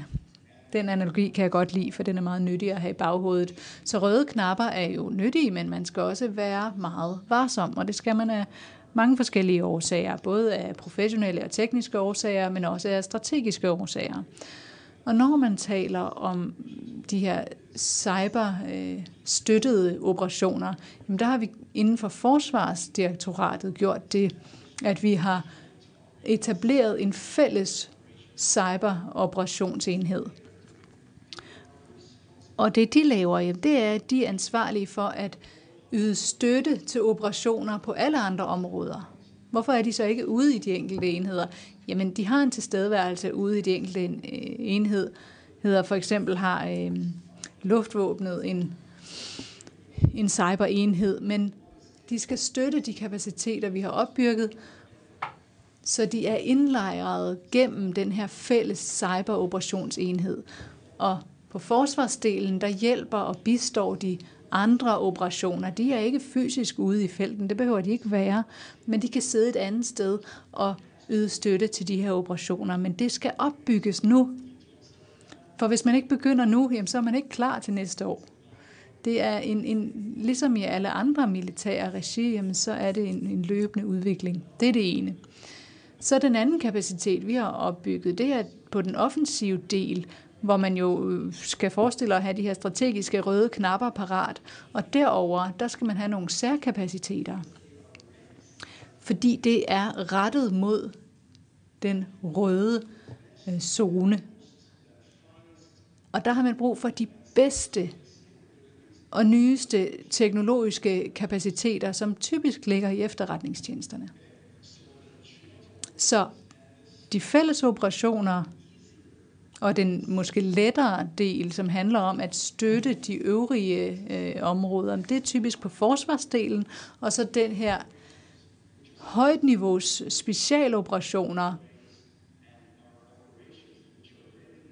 som er operationer, der er klar til at sætte i værk i samarbejde med luftvåbnet eller de andre dele af militæret, og de er også i samarbejde og koordineret med efterretningstjenesterne. Og de er samordnet, fordi de er under samme tag. Det håber jeg giver mening, ellers kan vi godt øh, dykke dybere ned i det. Thank you very much. Uh, jeg tror, vi går tilbage til det danske. Jeg ved, der er et spørgsmål til uh, Mark. Ja, det er korrekt. Øh, det er Jens Monrad, der stiller derude fra Cyberspace et spørgsmål. Skældner man juridisk på udfaldet af et cyberangreb. Eksempelvis, hvis et angreb resulterer i dødsfald, indirekte ved strømafnedbrud med mere, altså er der juridisk et skæld, der gør, at man måtte anskue angrebet anderledes, end hvis der ikke er tab af menneskeliv. Jeg, jeg er ikke helt sikker på at forstå det. Altså, om, om, altså, om der er en, hvis, hvis spørgsmålet er, om der er en forskel på, om konsekvensen er, at, at øh, der er, er, er dødsfald eller ej øhm, øh, på, på en operation, man, man foretager sig. Altså, hvis vi, hvis vi tager en, en cyberoperation, hvor man, hvor man ligger et stykke dansk infrastruktur ned, og det har den effekt, at den infrastruktur, infrastruktur er nede, og vi så kan ikke, vi ikke kan få en del af vores offentlige system til at fungere, for eksempel det er en type angreb. Men hvis vi gør det samme, øh, lægger et andet stykke øh, infrastruktur ned, der har den øh, effekt, at der er mennesker, der dør, så er det klart, det er to helt forskellige øh, typer af scenarier, som vi vil placere forskellige i de, de kasser, jeg defineret. Øhm, hvis vi har øh, tab af menneskeliv, så er, det, så er det der, hvor vi rammer de her magtanvendelseskasser. Øh, kasser. så tab af menneskeliv vil nok betyde, at vi, vi ender i en, i, i en magtanvendelseskasse, tab af mange menneskeliv, vil betyde, at vi nok er oppe i et væbnet angrebkasse, der hvor vi begynder at kunne, kunne yde øh, selvforsvar. Øh, hvor hvis vi er i situationer, hvor vi ikke har dødsfald, men vi har, har, øh, har, har øh, fysisk ødelæggelse af infrastruktur, så, så skal vi have, have ret voldsomme ødelæggelser til, før vi også skal sige, at vi, vi, vi taler om, om, om væbnet angreb, og så lidt mindre til, til, til magtanvendelse. Og hvis vi er der, hvor vi så hverken har, har, har, øh, har, har dødsfald eller fysisk ødelæggelse, men, men har øh, det, vi kalder en, en digital ødelæggelse, øh, så må vi se på, hvor, hvor, hvor voldsomme konsekvenserne af den, den, øh, den, den øh, ødelæggelse så er øh, for at placere, øh, placere angrebet. Og det er der, hvor, hvor debatten står ofte. Det er, hvis vi har, har noget, nogle, nogle ikke-fysiske skader, hvor alvorlige skal de så være, før vi kan placere dem i hver enkelt kasse. Øh, og, og, og det der, som, som, som et af de store spørgsmål går på, det er jo, at, at hvis vi ser nogle meget, meget voldsomme angreb, øh, for eksempel hvis vi, hvis vi ser angreb, hvor, hvor vi ikke er nogen fysiske skader, men vi, vi, vi får grundlæggende lagt vores, øh, vores offentlige infrastruktur ned, eller vi får lagt vores, øh, vores øh, finansielle markeder ned, sådan at, at, at, at det virkelig, virkelig koster penge, kan vi så sammenligne det med, at vi, vi, vi har haft dødsfald og lignende, og derved alligevel komme op i de her kasser, hvor vi kan ud selvforsvar, eller, eller hvor vi kan kalde det magtanvendelse. Det er der, hvor debatten står, men det er sådan cirka sådan, man forsøger at, at opdele det. Øh, og det, det, det, der, hvor vi har, har dødsfald og, og mange dødsfald, der er det relativt nemt, relativt nemt for, for folkeretsjurister at placere. Det bliver først svært, når vi har, har, har ikke-fysiske skader. I øh, fortsættelse af det, altså øh, krigshandlinger er relativt veldefineret. De foregår mellem aktører, man kan tage at føle på. Det er stater mod stater. I nogle tilfælde kan det være oprørsbevægelser, men der er kriterier for, hvordan de bliver defineret. Her taler vi om et område, hvor de samme våben bliver brugt af kriminelle, af øh, regeringssponsorerede øh, bander osv. osv. Hvordan manøvrerer vi i det her felt, øh, og hvilke udfordringer giver det den struktur og de kapaciteter, vi taler om, vi skal etablere? Altså, hvis man zoomer lidt ud, kan man sige, at det der er det helt grundlæggende problem, for, altså juridiske problem øh, på det område, det er, at vi har en, en meget kompleks og meget, øh, meget øh, forandrende øh, virkelighed, der møder et ret fastsat øh, regelsæt, som, som er skabt i den, den analoge verden, og nu skal fungere i den, i den digitale verden. Øhm, og det er noget lettere at se på, når, når, når styrker marcherer, eller når vi, når vi har nogle mindre oprørsgrupper, der, der, der, der anvender, anvender vold, øh, og så ned til, til, øh, til almindelige kriminelle. Det er lidt lettere at adskille, øh, både fordi vi kan se præcis, hvad de gør, men vi kan også se, øh, hvordan de gør det. Så når, når vi skal lave det tilsvarende øh, på, det, på det digitale domæne, så er det i princippet de samme regler, vi skal bruge, og de samme overvejelser, vi skal foretage. Det er bare meget, meget sværere. Øhm, og det er særligt svært at finde ud af, både hvad det er, man gør, men også hvorfor man gør det, og, og, og hvordan øh, sammenhængen er mellem, mellem en, en kriminel gruppe og, og, og en, øh, en, en stat, og om der er sammenhæng mellem det, de laver, og det staten laver. Øhm, så, så ofte er det er problemet egentlig at finde ud af, hvad der rent faktisk foregår, og få, få, få et overblik over, hvorfor det foregår, og, og attribuere, hvem det er, der har gjort hvad. Øhm, og det er først der, vi kan begynde at placere de handlinger, vi, vi ser ind i de enkelte juridiske kasser. Øhm, og problemet er jo så, at, at de juridiske kasser er ikke rigtig lavet til de her scenarier, så vi skal lidt presse dem ind i de enkelte kasser, øhm, og det er der, hvor problemerne som regel opstår. Og jeg går også ud fra, at de ressourcer, vi har både til at forsvare os med og for den sags skyld til at angribe, det er jo også nogen, der, der, der, der ligger frit mellem nationerne og, og enkeltpersoner, virksomheder og andet. Så det i sig selv udgør vel også en udfordring for, hvordan vi får udnyttet de ressourcer bedst muligt til et forsvar. Har du øh, stødt på overvejelser af den karakter, øh, Tobias, i, i, i din øh, tankevirksomhed og dig for eksempel? Altså, jeg kan selvfølgelig tale ind til, til attributeringsproblemet. Det er, det er jo kommet lidt frem og tilbage igen. Og det er, altså, den tekniske side er meget begrænset, hvad man kan gøre. Ikke? I princippet, hvis du vil spore noget tilbage til en aktør, jamen, så skal du have samarbejde af hver evig eneste punkt i netværket mellem dig og aktøren. Og det er jo muligt at hoppe gennem et helt hav af forskellige lande, forskellige juridiske systemer, hvor der er mere eller mindre samarbejde eller overhovedet tekniske evner for at gøre det. Meget etablering, det ser vi, det er jo gennem at se et eller andet mønster af handlinger, et eller andet teknikker og taktikker, der ligner en bestemt aktør. Det bliver så endnu mere kompliceret af, at lige præcis mange af, af hvad vi kender af statslige hackinggrupperinger, især hvis man kigger i Kina og Rusland, er nogle, nogle semi-statslige aktører, ikke? hvor det er ansatte i universiteter, der har et, et sidejob, eller simpelthen bare patriotiske borgere, der måske får lidt støtte fra staten i en eller anden form til at udføre de her angreb. Jo, jo, det, altså fra den tekniske side, så er det, at atobering, det, det er ikke en, en objektiv videnskab. Vi har ikke sat os ned og, og kunne helt regne os frem til, det med sikkerhed er den her gruppe. Det er et eller andet, en gruppe indiger, ligesom en politi efterforskning, ikke? hvor man, man aldrig i princippet kunne være 100% sikker på, at nogen var skyldige, og det ikke bare var et eller andet forsigtig manipulation. Ikke? Øhm, men derefter, ja, så, så fryger det jo ind i de her meget besværlige juridiske kasser. Jeg tror, det er måske også det, der er med, at ofte så foregår det her over jo flere forskellige juridiske domæner. Øhm, altså sofistikeret angreb, kunne du angribe nogle computer i et juridisk domæne, og så videre bruge dem til at angribe endnu ind i et tredje juridisk domæne, og fortsætte sådan ned ad kæden. Ikke? Ja, øh, jamen det er jo lidt til de her øh, kasser og skillelinjer, og sådan, fordi for mig at se, det er jo en stor del af grunden til, at det her er blevet et problem, og man kan sige, dem, der står på den angribende side, udnytter jo netop, at vi har de her kasser, og at det her system er meget måske baseret på den vestlige liberal demokratisk tanke om, hvordan vi kan indrette samfundet, og hvordan vi måske også i bredere i FN og så videre øh, mellemstatsligt kan sådan strukturere vores, øh, vores ageren med hinanden og, øh, og på en eller anden måde indordne det. Øhm, og, og det lige præcis bliver udnyttet, at, øh, at de her grænser, især i det digitale domæne, ligesom kan, kan skubbes og kan tvistes og øh, kan udnyttes øh, til angriberens fordel. Øh, og hvor vi netop har lidt svært ved, øh, som Mark sagde, så sidder vi ligesom og prøver at skubbe virkeligheden ind i de her kasser. Altså vi har et eller andet sådan, teoretisk begrebsligt apparat, og så sker der en masse ting, og så prøver vi at tage det, der nu sker ude i verden, og så ligesom sige, ah, hvordan kan vi få det til at passe på de begreber, vi kender, på de rammer, vi har, på den lovgivning, vi har, på øh, sådan den strategiske, politiske øh, ansvarsplacering, vi har. Øh, og det er også det, det øh, som jeg forstår det, øh, øh, Sharon var inde på, at de Israel havde, havde kigget på for 3-4-5 år siden, og så sagt, okay, den her virkelighed, vi kan ikke presse den ind i de her kasser, eller vi bliver i hvert fald nødt til at kaste kasserne op i luften, og så gribe dem igen og sætte dem sammen på en ny måde.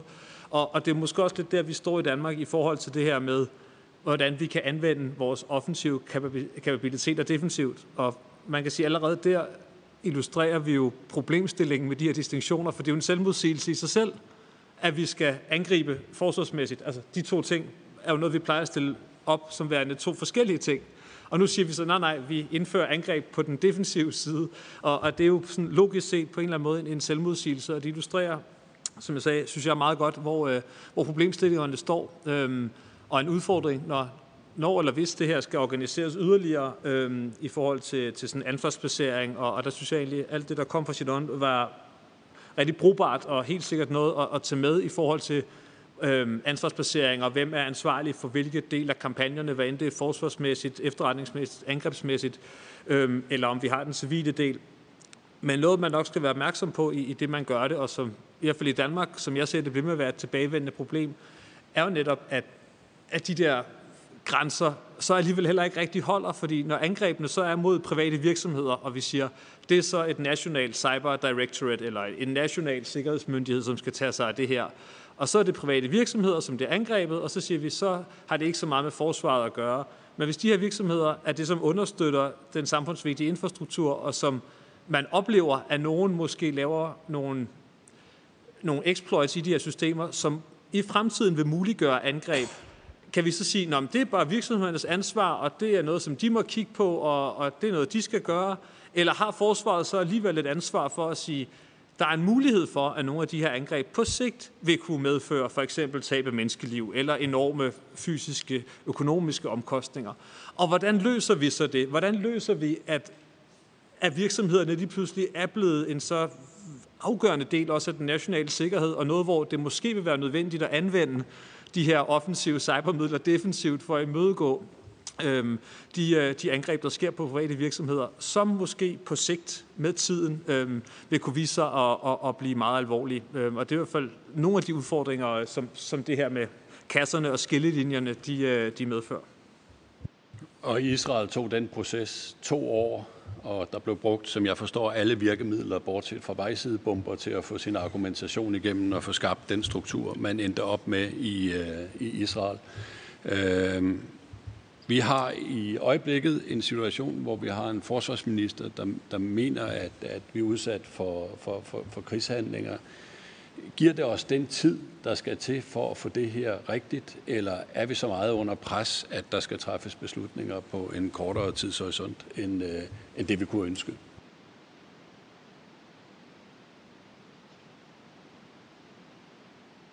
Hvis der er ikke nogen, der tør svare, så vil jeg gerne udpege dig, Mark, som den største. første. Jeg kan forsøge. Altså man kan sige, det, er, øh, det at vi kategoriserer ting som, øh, som, som, som krig eller ikke krig nationalt, det, det gør jo ikke så meget folkeretligt. Øhm, de, de regler, som vi har, øhm, det er dem, vi har. Der, der, der er ikke så meget at gøre det. Altså, der har været tale om at forsøge at lave om på de regler, vi har, og at forsøge at lave noget, noget, noget, noget cyberspecifikt folkeretlig lovgivning. Og det er stort set umuligt at forestille sig, at vi, at vi, vi, vi, vi får noget, noget, noget ny lovgivning, fordi staterne simpelthen kan blive enige. Så uanset hvordan vi vender og drejer det, så har vi de principper, vi nu engang har, og så skal vi forsøge at arbejde med dem. Øhm, og, og, og øh, der er ikke rigtig nogen vej udenom, at man, man, skal, man skal lande på, hvad Danmark mener øhm, i, i de enkelte tilfælde og agere derudfra. Øh, og jeg, jeg, jeg forstår ikke, øh, jeg tror ikke, at, at, udmeldingen, vi har fået, øh, betyder, at vi anser os for at være, være under, under væbnet angreb. Det håber jeg i hvert fald ikke, så er det svært ved at se logikken i hvert fald. Øhm, men, men det ændrer ikke på, at vi, vi, vi skal lande et eller andet sted, og det kan vi jo både gøre offentligt, men vi kan sådan også gøre det, og det kan være, det allerede er gjort øh, øh, internt i, i, øh, i Center for Cybersikkerhed og i FE og, og Forsvaret. Øh, Øh, men, men, men, men vi kan ikke rigtig dreje så meget på, på, på, på, på kasserne. Vi kan, vi kan kun justere på, på, på, på, på, de, på de marginalerne på grænserne. Og så kan vi jo altid trøste os med, at vi har den kongelige forholdsordre, hvis vi mangler andre instrukser til at sikre os, at vi øh, gør et godt forsvar. Vi er nået til vejs ende øh, ved den her øh, høring. Jeg vil gerne øh, takke for fantastisk øh, inspirerende og dygtige og gode indlæg, øh, som i hvert fald for mig har sat en masse tanker i gang, og det håber jeg det samme også har været tilfældet for tilhørende. Jeg vil gerne takke for alle de gode spørgsmål, der er stillet. Det har været en fornøjelse at være moderator for denne seance, og så vil jeg give ordet til John fra Ida. Jamen tak for det, Torben. Lige nogle afsluttende bemærkninger. Høring i dag er blevet til i et ønske om, at i gang sætte en bredere drøftelse og debat mellem de folkevalgte og befolkningen om Danmarks offensive cyberkapacitet, herunder at afdække, hvilken betydning det har og vil få for samfundet og Danmarks forsvars- og sikkerhedspolitik. Vi har i dag haft mulighed for at gå et spadestik dybere, hvor eksperter, folketingsmedlemmer, politikere, borgere og andre har haft lejlighed til at sætte fokus på, og tage stilling til de politisk strategiske, juridiske og organisatoriske vilkår og rammerne for Danmarks anvendelse af offensive cyberkapaciteter. Høringen har endvidere stillet skarpt på behovet for et politisk strategisk mandat og et tilsvarende lovgrundlag, der opstiller mål, midler og måder, hvorpå Danmark kan og bør anvende offensive cyberkapaciteter.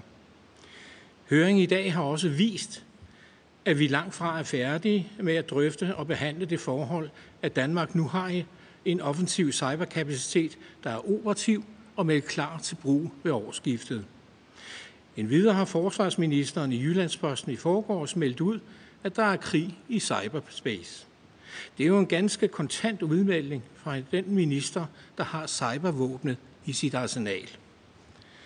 På Ingeniørforeningens vegne vil jeg gerne afslutningsvis takke de gode oplæg og oplægsholdere, og ikke mindst også Forsvarsudvalget for samarbejde, og især formanden og hans team, samt ordstyren Torben Ørting Jørgensen, for at have muliggjort, at denne høring er blevet en realitet, og som efter min mening er blevet hensigtsmæssigt gennemført på trods af coronakrisen og de restriktioner, den har nødvendiggjort. Ligeledes en stor tak til de mange derude i cyberspace, som har stillet en masse spørgsmål, hvor vi desværre ikke har nået det hele, men de har dog via Folketingets TV og webinaret fulgt med og også aktivt bidraget til høringen. Så jeg siger herfra tak for i dag.